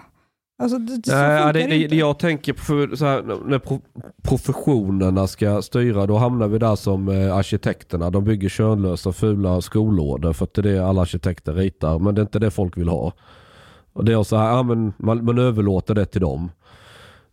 Det finns lite så områden där man liksom låter beslutsfattandet. Så här, jag kan tycka att den som betalar för någonting i slutändan ska vara den som har sista ordet. Fast det är inte arkitekternas fel. Det är upphandlarnas Det är fel. beställaren. Ja. Så det är återigen kommunerna och statens fel som beställer. Nej, men jag, tycker inte, jag tycker inte att lagstiftarna ska gå in och peta i liksom hur vi jobbar i klassrummen. Det måste ändå vara lärarnas... eh, Ja, alltså, nej, Sen men, ska de skapa ett bättre betygssystem. De ska skapa, såklart, vi måste ju om betygssystemet. Vi måste ha en eh, tydlig läroplan så att, så att lärare och elever och föräldrar fattar vad de förväntas lära sig. vad är ett bättre betygssystem? Ja, vi behöver utreda och titta på F-gränsen till exempel. Behöver titta, vi behöver titta på... Vad, vad ska vi behålla- det? Ska Kan, kan inte du berätta om det? Just F-debatten. För det är en debatt om det nu. Mm. Vad, vad, handlar den om? Jag, Nej, men det om man vill ta handlar bort ju, den, Ja, ja, precis. Det finns ju, skolministern har ju öppnat upp för att titta på det om man ska ta bort F-gränsen. Eh, Men vi har, det problemet tycker jag med betygssystemet är ju att det är dels ett konkurrensmedel mellan skolor samtidigt som det är myndighetsutövning. Och vi, vi kan inte vara säkra idag på att, ett, att det betygen en elev får, att de har kunskaper som motsvarar det betyget. Därför är det för otydligt också vad det är man ska kunna för att få ett visst betyg. Det är väldigt mycket upp till varje lärare och det blir ju inte likvärdigt då. Så att jag har inte, all, jag har inte grottat ner mig, jag har inte betygsålder på min skola. Men jag tycker det det. är viktigt att titta, att man gör en utredning och tittar på kan, vilket typ av betygssystem ska vi ha. För att det vi har nu är inte tydligt. vi hade ett skitbra betygssystem på universitetet. Det var så här, antingen blir du underkänd, du har inte fattat det här. Eller så får du godkänt, du har fattat det här, more or less. Eller VG. Eller VG. Och det, är det inte så fortfarande? På universitetet ja. Ja. Men varför kan man inte ha så i grundskolan också? Varför ska man ha olika rang? Varför ska det användas som konkurrensmedel? Gör ett prov till den skola du vill komma in i istället. Men Om du- nationella proven är ju svårt för den, den mäter ju alla likvärdigt. Väl? Ja, men ha, ha, ha, okej, men ha en annan Alltså skala alla just på prov är den då. likadana för alla elever. Är ju. Sen Ja. rättas de ju av lärarna. Ja, just det. Jaha, ja, men Och då, sen kan ju Sen kan ju, det är ingen som vet om man ger eleverna mer hjälp än vad man får på provet. Mm. Det är ingen som vet om man låter dem titta på det innan. så då ska man, men då kan man ju upphandla en sån funktion som med, Så, med, med då får du skolådor Chang. Det är därför alla husen ser ut som de gör sedan, de, t- år 2000. Du kan väl bara ha ett då är det företag som upphandlat crap. Nu tar vi in två vakter här. Eleverna går in, de bevakar. Och vi har en rättare som ingen, skolan har ingen aning om vem denna människan är. De kan inte påverka någonting. Så går vakterna med stållinjaler, ungarna ska titta rakt fram, ing- inga mobiltelefoner. Ni har tre timmar på er att svara på frågorna. Och sen rättas det enligt exakt samma mall över hela Sverige. Det går att ordna. Som i Kina. liksom. Ja, Det är svårt att rätta läsförståelse eller talförmåga. Nej, men jag tycker man behöver utreda och titta på för att få ett mycket mer tydligt och förutsägbart system som lärare. För nu, nu gör ju alla sin tolkning och det är ju problematiskt. Därför att det är ju, betyg används ju för urval för, till nästa steg i skolsystemet. men det är lite som en religion. Det finns en bok men alla gör sina tolkningar och sen bråkar de shia och sunni och allt vad det är för någonting. Från vilken sida av politiken har man närmat sig dig? Alltså tycker jag så, ah, du, du, det du säger är klokt. Nej, men jag pratar med i princip alla partier. Eh, Jag har ingen lojalitet åt något håll. Nej men det vet jag, Ja, det, och mm. det är jättebra. Men jag menar, vilka är så här, men det här Men du är verkar- mer kritisk av höger, eller hur? Vad sa du? Du är mer kritisk av höger. Ja, alltså när det gäller skolfrågan Ja. så eh, ligger ju de inte så bra till. För att de säger nej till nödvändiga reformer. Mm. Säger Och det- sossarna ja då? Ja, sossarna vill ju differentiera skolpengen. Ja. Och de vill Varför vill inte reformera det skolvalet. Eh, därför att de... Dels är det för att det är väldigt... Alltså, Bortsett från att när de slutar som politiker så får de ett ja, det var det jag toppuppdrag tänkte på... komma till. Jaha. Det är svängdörrar mellan politik och... ehm, Förutom den lilla detaljen. Den där. Och då tror jag också att det blir svårare liksom att strama åt systemet när, när ens kompisar Ja. sitter där. Och när man kanske själv vill ha en tjänst där efter politik. Finns det någon bra synonym för korruption vi kan använda här? Nepotism, eller Ja. form av nepotism. Nej, men jag tror att det är ett jätteproblem att det är svängdörrar emellan. Eh, och sen så tror jag att man, man tänker, alltså, för det är också en sån sak som man inte ser om man inte läser budgetarna, det är ju att vi pratade om strukturersättning för socioekonomi, men det finns även en, en typ av strukturersättning, de, de kallar det olika olika kommuner, för småskalighet så att säga. Så att eh, kommuner med landsbygdsområden, de har ju ett, ett extra bidrag till skolor som har väldigt få elever för att de ska kunna finnas kvar. För de får ju inte upp sin ekonomi med den vanliga skolpengen. För att de har för små klasser. Och det bidraget får ju enskilda huvudmän på samma villkor som kommunerna. Så att även små huvudmän, alltså kooperativ till exempel och stiftelser och så, de har ju kompensation, de som är små då. Eh, Så att det argumentet från politikerna håller ju inte. Men det är sånt man inte ser om man inte läser budgetarna. Vad var det som gjorde att du gav dig ut på Twitter och började skriva om... Jag har varit där i 11 år. Varför började jag för det för 11 år sedan? Nej, men det var väl för att få ett liksom, utökat kollegie till att börja med. Och sen ju mer jag började läsa och lära mig och så, så har jag använt det, för jag vet att det är många journalister som följer mig, många politiker. Så att jag, jag märker att det plockas upp ibland på ledarsidor och i texter och böcker och så. Ja, jag, lä- jag läste senast om det i Expressen, jag tror hon hette hon, eh, Matteus Charlotte. Då var det om familjeplanering hon skrev. Vad tyckte du om det? De- Den har inte jag läst tror jag. Ja, men det var faktiskt bara för några dagar sedan. Mhm. Men jag tänkte återko- du får ju som sagt mycket svar på Twitter. En som svarar dig ibland är ju Hanif Bali. Vad, vad, vad, hur, har ni hamnat i någon slags konflikt senaste? Nej, jag har aldrig pratat med honom. Jo, men du svarade ju faktiskt honom för att... Nej, du, inte svarade honom, svarade en, en tweet Nej, det var någon om som honom. hade skrivit, nej, jag vet inte, men jag har aldrig pratat med honom, så jag har ingen åsikt om honom. Okej. Eh, jag tror det var så här. Vad var det? Men har du aldrig varit sådär arg på Twitter? att Den där idioten, han ska jag tvåla till riktigt. Nej, alltså jag är ganska diplomatisk. Jag kör lite så här lågaffektivt bemötande, låter saker rinna av mig. Är det, så, är det så du gör i skolan med att eh, nu är det en jävla elev där, nej nu ska vi vara lågaffektiva. Ja, det beror på vad det är för elev. Om vi har en autistisk elev som låser sig, finns det ingen anledning att skälla på den Nej, eleven. Då nej, kommer nej. den bli ännu argare. Men elever som bara är ouppfostrade och uppkäftiga, de kan jag ju verkligen eh, vara hård mot. Ska vi läsa Men en här- interaktion mellan ja. er två bara? Eh, Hannibal skrev så här. Relevanta kritik från Linnea. Eh, prestationsskillnader mellan skolor är marginella. Vi har bara mer eller mindre underklass från tredje världen i dem.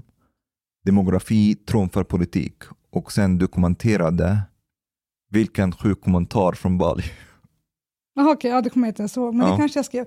Nej, men för mig som skolledare, jag fokuserar ju på att ge mina elever så bra utbildning som möjligt. Jag lägger mig inte i andra frågor, liksom. det är inte min fråga att... eh, Det är ganska klokt egentligen att hålla sig till det man kan. Ja, men För jag du kan jag behöver uppenbarligen- hålla, förhålla mig, jag har ju den elevgrupp jag har, jag har de föräldrar jag har. Men är de problemen är inte på de, grund av det området då? vi har. Det är ingenting jag kan, jag kan inte gå och bygga större lägenheter. Ja, alltså. jag, jag förstår det. jag men, kan men- inte gå och skaffa en säng till Ja, eleven, utan jag fokuserar på att, att de ska få en bra utbildning, lära sig bra svenska, så att de själv sen kan fatta kloka beslut om sina liv och ta sig vidare till gymnasiet, ta sig till högskola och så vidare. Ja, absolut, och det är bra. Men jag menar att är de problemen inte på grund av demografi, så det, det Hanif skrev är inte, det är sant. Nej men alltså det finns väl ingen i Sverige som tänker sig, gud vad bra vi har lyckats. Jo, det tänker väl inte Jo, det finns en Jo, person. Det finns Några, en person. några finns det. Ja, Här men finns en. Reinfeldt tycker jag. en för detta statsminister tycker fortfarande att vi har lyckats det är väldigt bra. Ja, Nej, men alltså jag fokuserar på, på att utbilda eleverna helt enkelt. Det är jag, jag förstår, men Mm. ja. Mm. Jag tycker det är bra att du håller dig borta från den sidan av Nej, politiken. men det blir väldigt mycket slag på, så man kan tycka si eller så. Eller ska vi, alltså, jag, mitt Nej. uppdrag är utbildning. Är det inte lite roligt ändå att ge sig ut och grisbrottas lite och kalla folk Jag är för dumma gammal för det. Jaha. När jag var ung kanske det var kul, men Ja, inte. Men Linné, jag kan fortfarande inte släppa det med bussning. Du är väldigt kritisk att höger ser att det finns ett förslag för bussning. Men, det gör Men, inte det. men i lagförslag, det, det, det är många som, som tycker att det framgår tydligt att det finns ett mål att flytta runt elever för att blanda ihop lite elever av, av olika bakgrund. Nej, det man, ska, man ska göra det man kan utifrån sina förutsättningar. Och det gör Men vi redan att idag. det är skapa skillnad. socialt allsidighet. Ja, om det och, eh, går. Om det inte går så kan man inte Men hur vet du att politiker inte planerar bussning? Det är för det står inte i förslaget. Jag vet, men det är politiker vi pratar om. skolskjuts- Nej, men alltså, om, om du tittar i lagrådsremissen så är det den som sen kommer omvandlas till lagtext. Då kommer inte skriva någonting annat än det som står i det. Så vad, vad betyder det att de ska verka för att skapa socialt allsidighet? Om Ja. de kommer inte flytta runt elever. Nej, men alltså, skollagen, skollagen säger att, att utbildningen ska vara likvärdig. Mm. Så att det är inget konstigt, så är det ju nu också. Så Ja, är, det, är, det en, he, är det en över, liksom, Ja, överreaktion från... verkligen. Alltså det här, är- jag fattar inte varför folk Men det finns inget nytt i, i förslaget. Det som är nytt är att man tar bort köerna till friskolor. Och man skriver också om att man ska inte kunna ge information till bara vissa, perso- vissa personnummer till exempel. Ja, jag hänger inte Och att man ska ha gemensamma regler för Alltså när du marknadsför din skola så kunde du välja det rika området i Täby men inte skicka ut informationen till dem i Rinkeby. Mm. Och så då väljer du urvalet av elever lite på det sättet. Ko- Kommunala skolan kan ju inte göra det. Ja, på ett sätt kan jag tycka det var lite kul om man bussade elever och bara blandade upp det. Det finns ju ett problem när man bussar iväg folk, som jag ser i- mitt jobb. Ja, Eh, och det har, det göra gör väl ni vid kravaller och sånt. det har att göra med social kontroll.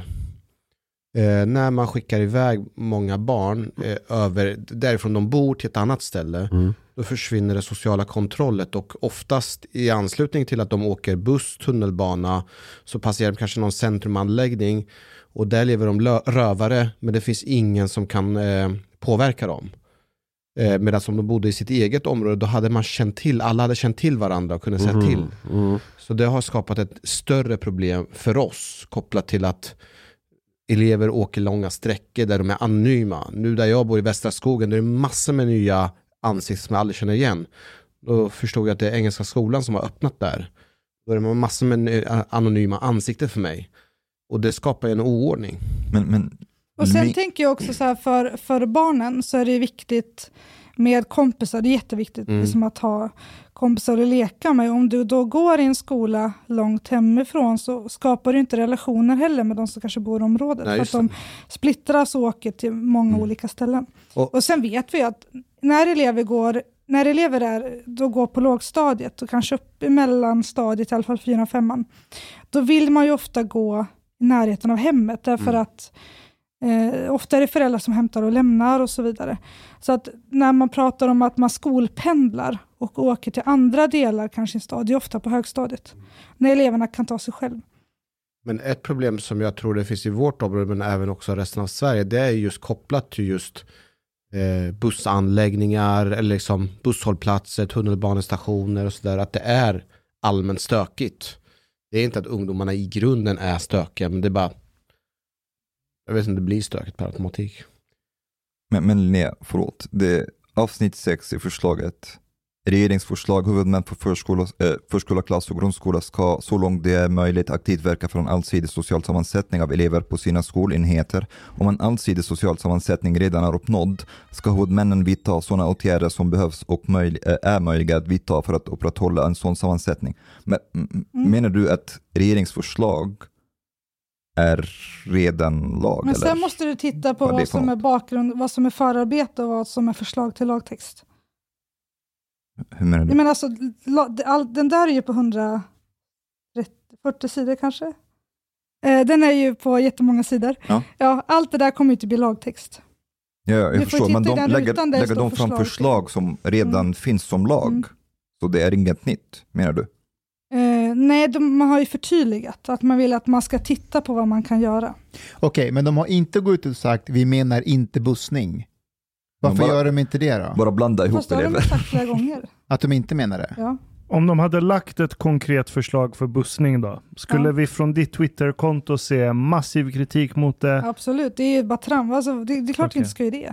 Det är föräldrarnas eh, önskemål som ska vägleda placeringen. Fast- Men sen är det viktigt att förstå att i, alltså, alla skolor har ju maxkapacitet, så det kommer ju aldrig vara så att alla får sina önskemål tillgodosedda.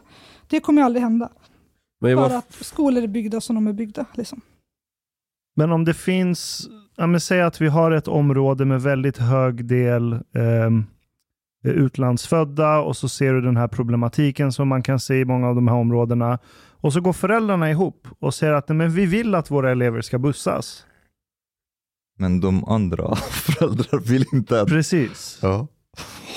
Nej, men alltså, det, det finns inga sådana förslag. Det är liksom Nej, jag vet, men jag skulle Det inte bli förvånad om det börjar gå men, åt det men hållet. samtidigt, jag är ju inte säker på att det är alltid så bra att låta föräldrarna ha beslutande rätt. För många föräldrar är ju rätt korkade. Du är jättekonstigt Libertarianer libertarian. Ja, men jag, jag, ett exempel jag sprang på, ja, det var så här kvartssamt, eller så här föräldramöte i, i förskolan där Malou gick. Så bara säger fröken, först fick jag ett brev då ja, att ja, vi har informerat barnen om, om skolans värdegrund.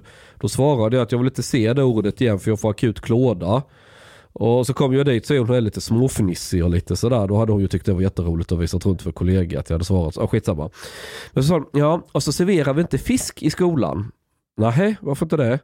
Ah, vi har ett barn här som har fiskallergi så vi kan inte laga fisk i skolan. Så frågar jag henne, men när du och jag växte upp, för hon är ungefär jämngammal med mig. Hade du hört talas om fiskallergi då? Nej, nej inte jag heller.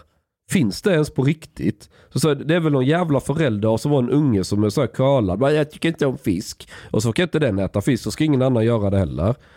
Det, och så, Fast man lämnar ju läkarintyg för allergier. Annars får du ja, inte men det är ju korrupt läkare. Det är någon som anlitar när han köper ett eller Nej, något. men så är det. Vi, vi får till exempel inte servera nötter eh, för att eh, det är, fin, det är bara en big no-no. Det är vissa saker vi inte får servera. Men ändå ska ni lära ut, eh, eh, vad heter det, darwinismen. Det är Ja ju... men, ja men alltså det är jättevanligt. De vanliga allergierna där är det är klart Okej att nu var jag lite provokativ men. Det här med att inte föräldrar dyker upp på föräldramöten. Hur jobbar ni med att få dem att dyka upp?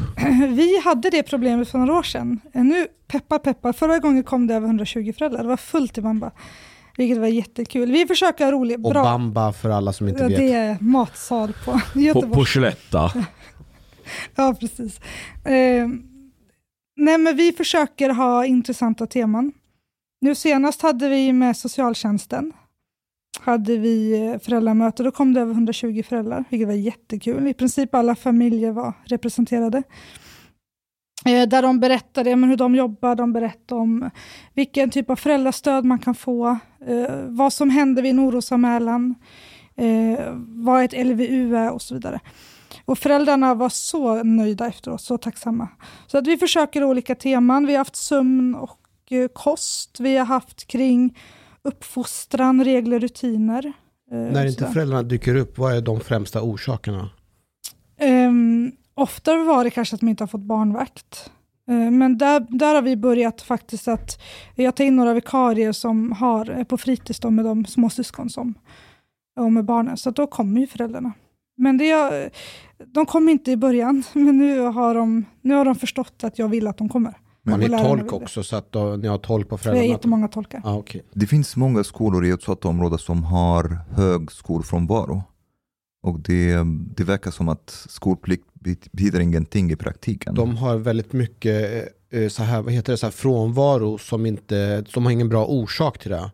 Ofta så kan det vara att de till exempel en del åker till hemlandet eh, och så tar man med sig barnet för att de värdesätter inte skolan lika mycket. Ibland är de ute och storhandlar på I- Ica. Alltså på riktigt. Nej, men vi har, där, det jobbar vi, mycket, vi jobbar mycket med föräldrarna i förskoleklass kring skolplikten, vad det är och varför det är så viktigt. Men det bästa sättet att få tillbaka dem när de åkt till hemlandet, det är att man kontaktar Skatteverket och Försäkringskassan. Det gör jag jämt. Och då brukar de dyka upp. Men det har ju Då också... kommer de tillbaka. Ja. Därför att Smart. pengar är ett universellt språk som alla kan prata. Ja, men de blir förvånade när det dras in, barnbidraget. Ja, Och då kommer de tillbaka. Alla Varför gör, inte förstår. fler, varför gör inte fler det här?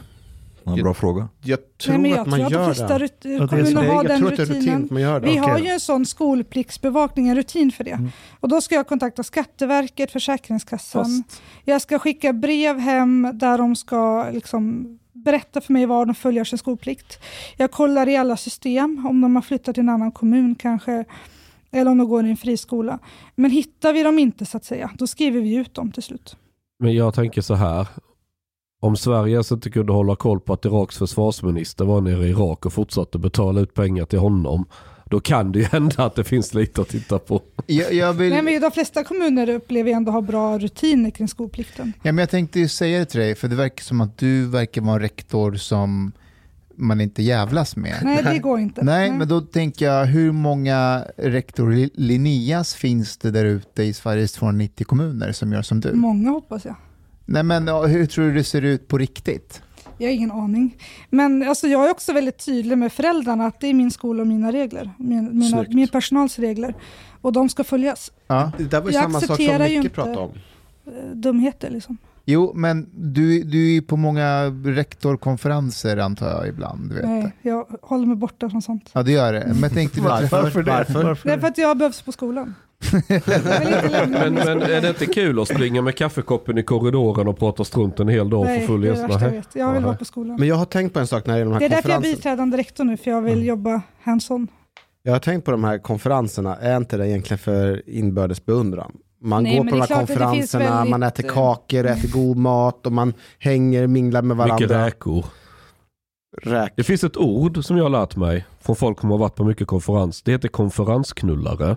Och det, no joke, det finns alltså folk som jobbar inom statlig förvaltning som alltid ska skriva upp sig själv så frivilligt på alla möjliga konferenser. Sen går de där och raggar på damer i landstingsfrisyr och så här.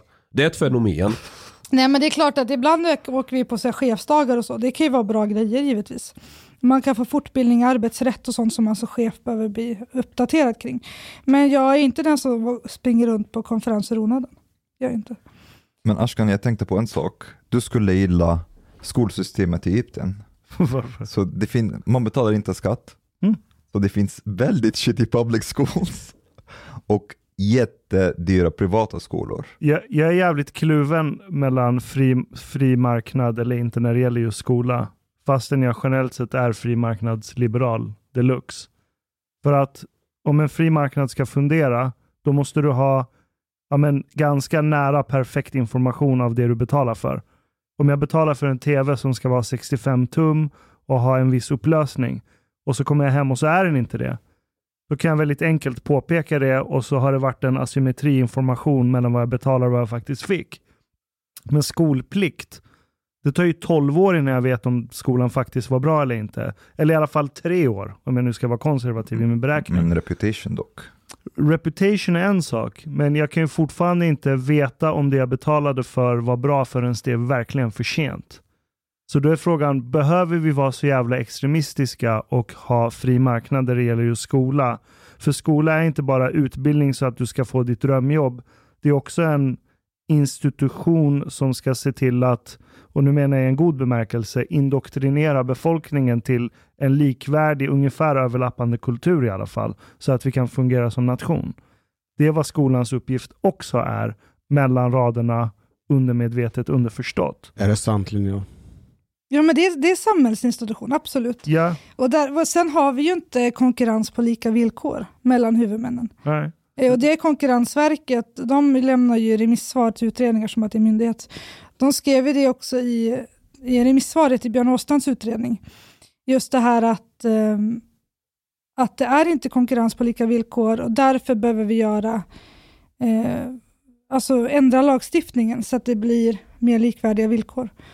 För det, vi konkurrerar ju inte med samma typ av... Ja, det, är så, det är för stor skillnad helt enkelt. Men det Ja. finns inte fri marknad här. Nej, När det gäller är- nej, det är inte fri I marknad. Egypten Det är kan, kan privata skolor lä- lära ut vad de vill. I Men då är det så här, antingen har vi ett sånt system, då är vi i alla fall konkreta med vad som gäller. Istället för det här mellantinget där ingen vågar ta ställning om det är fritt, är det inte fritt, ska man betala ur egen ficka, inte. Det, det, jag vet inte om det är min autisthjärna som spökar och måste ha det jättetydligt. Jag tror och, att problem, eller problemet, jag vet inte om jag ska säga, men i Sverige så vill man ju inte ha för stora klasskillnader. Hade, hade, har du ett samhälle där du accepterar större klasskillnader som i USA, där har du det mer som du beskriver, där mer friare, speciellt vissa delstater. Mm. Och då, men då får du också en total A och B-liga, vad du har gått i för skola. Det blir väldigt avgörande då för, för resten av, av livet. Ja, och jag vet inte vad jag tycker om det riktigt. Det kan du fundera på. Mm. Jag gör det varje dag. Berätta om Egypten, Hanif. Nej, jag bara läste på Twitter, det var väl någon tjej som gick på universitetet eh, och så, så var det någon kille som frågade om, man skulle, om hon ville gifta sig med honom, vilket hon inte ville. Eh, då blev hon mördad. Ja, och vad, vad har det med, Egyptisk skola. Vad har det med Det var ju skolan? he- hedersrelaterat. Hon gick i universitetet. Ja, men det har inte med skollagen att göra. Vad har det med Egyptisk skola. Ja, men, Hanif är den där eleven du vet som är i sin egen tankebana någonstans.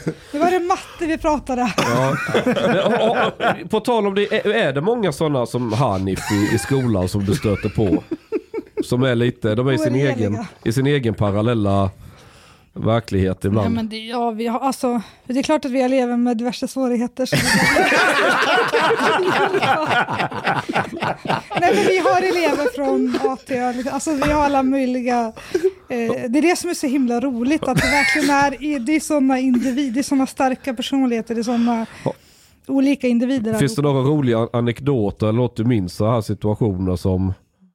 Massor. Jag ångrar att jag inte har skrivit en bok med alla citat från barnen. Eh, jag har hört så mycket. Jag har några jag minns. Nej, men till exempel var en elev som eh, sa, det gick i trean, det var några år sedan, så bara, "Ah, jag gjorde värsta ramlingen på skolgården. Jag bara, du ramlade. Bara, ah rektor, du måste alltid rätta oss när vi säger fel. Får man inte latcha med språket här? jag tyckte det var lite roligt. Jag kommer ihåg min, min, min lillebror när han gick i skolan så var det en annan elev som var lite speciell kan vi kalla honom. Så hade de geografi och var, då var det Kanada de skulle visa och så var det staden Toronto. Och då räcker den här eleven upp handen och frågar varför man döper en stad efter ett hockeylag. Men jävla Chang också.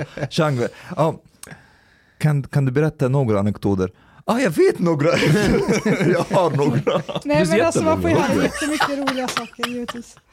Han säger att det, det han egentligen vill säga det är att han vill själv berätta. Ja, precis. Nej, men det som är så roligt, därför jag också valt att jobba, jobba kvar med de yngre eleverna, det är ju att man får Dels gillar jag när man går in i klassrum, framförallt när det är genomgångar av nya ämnesområden, att man faktiskt bokstavligen kan höra när liksom poletten trillar ner hos eleverna. Man hör så aha, du vet de här, äh, när man märker att nu fattar de. Det tycker jag är magiskt. Och när man ser hur de kommer in i förskoleklass, de är bokstavligen överallt. De är liksom, vi får elever från som inte har gått i förskola, från många olika förskolor som har, en del är nyanlända, några, liksom, de är från alla möjliga ställen. Det är liksom inte en homogen grupp som kommer. Och den progressionen från att de är verkligen överallt till att vid höstlovet i förskoleklass så har de blivit en fungerande grupp, de börjar sitta, de börjar jobba. Eh, jag tycker det är så häftigt hur lärarna liksom lyckas samla ihop de här individerna och skapa grupp på så kort tid som de ändå gör. Eh, med så otroligt, eh, e-, elever med så otroligt olika förutsättningar och behov. Och det är väldigt häftigt att följa det, det är därför jag jobbar kvar. På tal om det här med förskolan, upplever du att det är ett problem att eh, vi hade en annan gäst, Rissa, hon pratade om att det borde vara obligatorisk förskola. För det är så stor skillnad på en del elever som inte ens går i förskolan och så ska de börja direkt i skolan kontra de som inte ens har gått förskolan alls. Jag tycker man borde obligatoriskt, kanske inte från ett år, eh, men kanske från tre år. hade ju varit rimligt. Nu har man ju på. rätt till liksom, typ allmän förskola 525 timmar eh, från tre år, men jag tycker absolut att det borde vara. Och sen, jag vet inte, jag kanske, jag brukar få lite skäll när jag säger det, men jag tycker inte att man ska tillåta pedagogisk omsorg. Vad, vad innebär det? Eh, det som kallas för dagmammor i För dagbarnvårdare. Eh, Men dels i våra områden är det ju ofta kvinnor som eh, ja, de pratar ju, då har de ju barn som pratar sitt språk. De får inte möta svenska. Eh, de får inte träning i sociala koder, uppförande, normer. Eh, det, Och då är, det, är de vildare eller? De här dagmammorna? Nej, men inte mammorna kanske. Nej, men det, det, är alltså barn, det är så här att Barnen socialiseras i inte in där. skolan, skolan är gruppverksamhet. Det förväntas ju att du ska kunna vänta på din tur. Du ska liksom veta hur du uppför dig med Är det andra inte barn. så eh, med de här dagmammorna då? Nej, men vi ser skillnad på de som inte har gått i förskolan och varit hemma eller varit i pedagogisk omsorg. Så är det skillnad i just det här att de har aldrig fått träna på att förhandla en lek. De har inte liksom lärt sig lekregler, vilket gör att det blir Det är djungelns lag hos dagmammorna, låter det som. Nej, men alltså generellt om man inte har gått i förskolan märker vi skillnad. Ja. Och sen har ju vissa kanske gått hos pedagogisk omsorg, andra har inte gått, varit hemma kanske bara. Men det är stor skillnad i, i liksom, man märker den sociala träningen ligger de efter i. Jag har ju en unge som jag har lite problem med, Malou som är nio. Hon ska alltid vara lillgammal och jätteduktig och vara före alla andra. Och jag har sagt till henne att hon måste ju slåss och svära och bete sig på skolgården med som passar in. Men det vill hon inte utan hon blir en sån här Lisa Simpson. Och nu blev jag jätteorolig för nu ska hon spela tvärflöjt. Snart är hon inne på, snart är det en saxofon. Jag bara väntar på det. Går det rädda en sån unge på något sätt till till att skolka och börja bete sig som man ska? Varför ska hon börja missköta sig? Ja, jag, jag skojar bara. Men, ja. Ja, nej, men, nej, men det, det är vårt elevunderlag. Det är därför jag brukar säga att vi jobbar i särskilt roliga områden. För att det är just och, och liksom att allting är roligt. De, det är så himla lätt att få med sig våra elever och locka med dem. Allt är spännande och nytt och det är liksom det är, jätte, det är häftigt, häftigt elevunderlag att jobba med. Hej på dig, min vän. Lisna po mejnu. Du emiket fin menisza. Du harbeta lat biliet po klubzista moltit. En miket fin radioprogram i sferie. Tak ware dejso ardiet mojlikt for grabarna at tropa kafe late ute potoriet. Betalar kningar. Shopa blut pudding til familien. Oka tunnelbana. Eller drika en kal norland zgult po ute serviering. Ibland. Dit bidrak jor grabarna miket glada. Dit stot jorzista moltit mojlik, helt enkelt. Tak, minwen.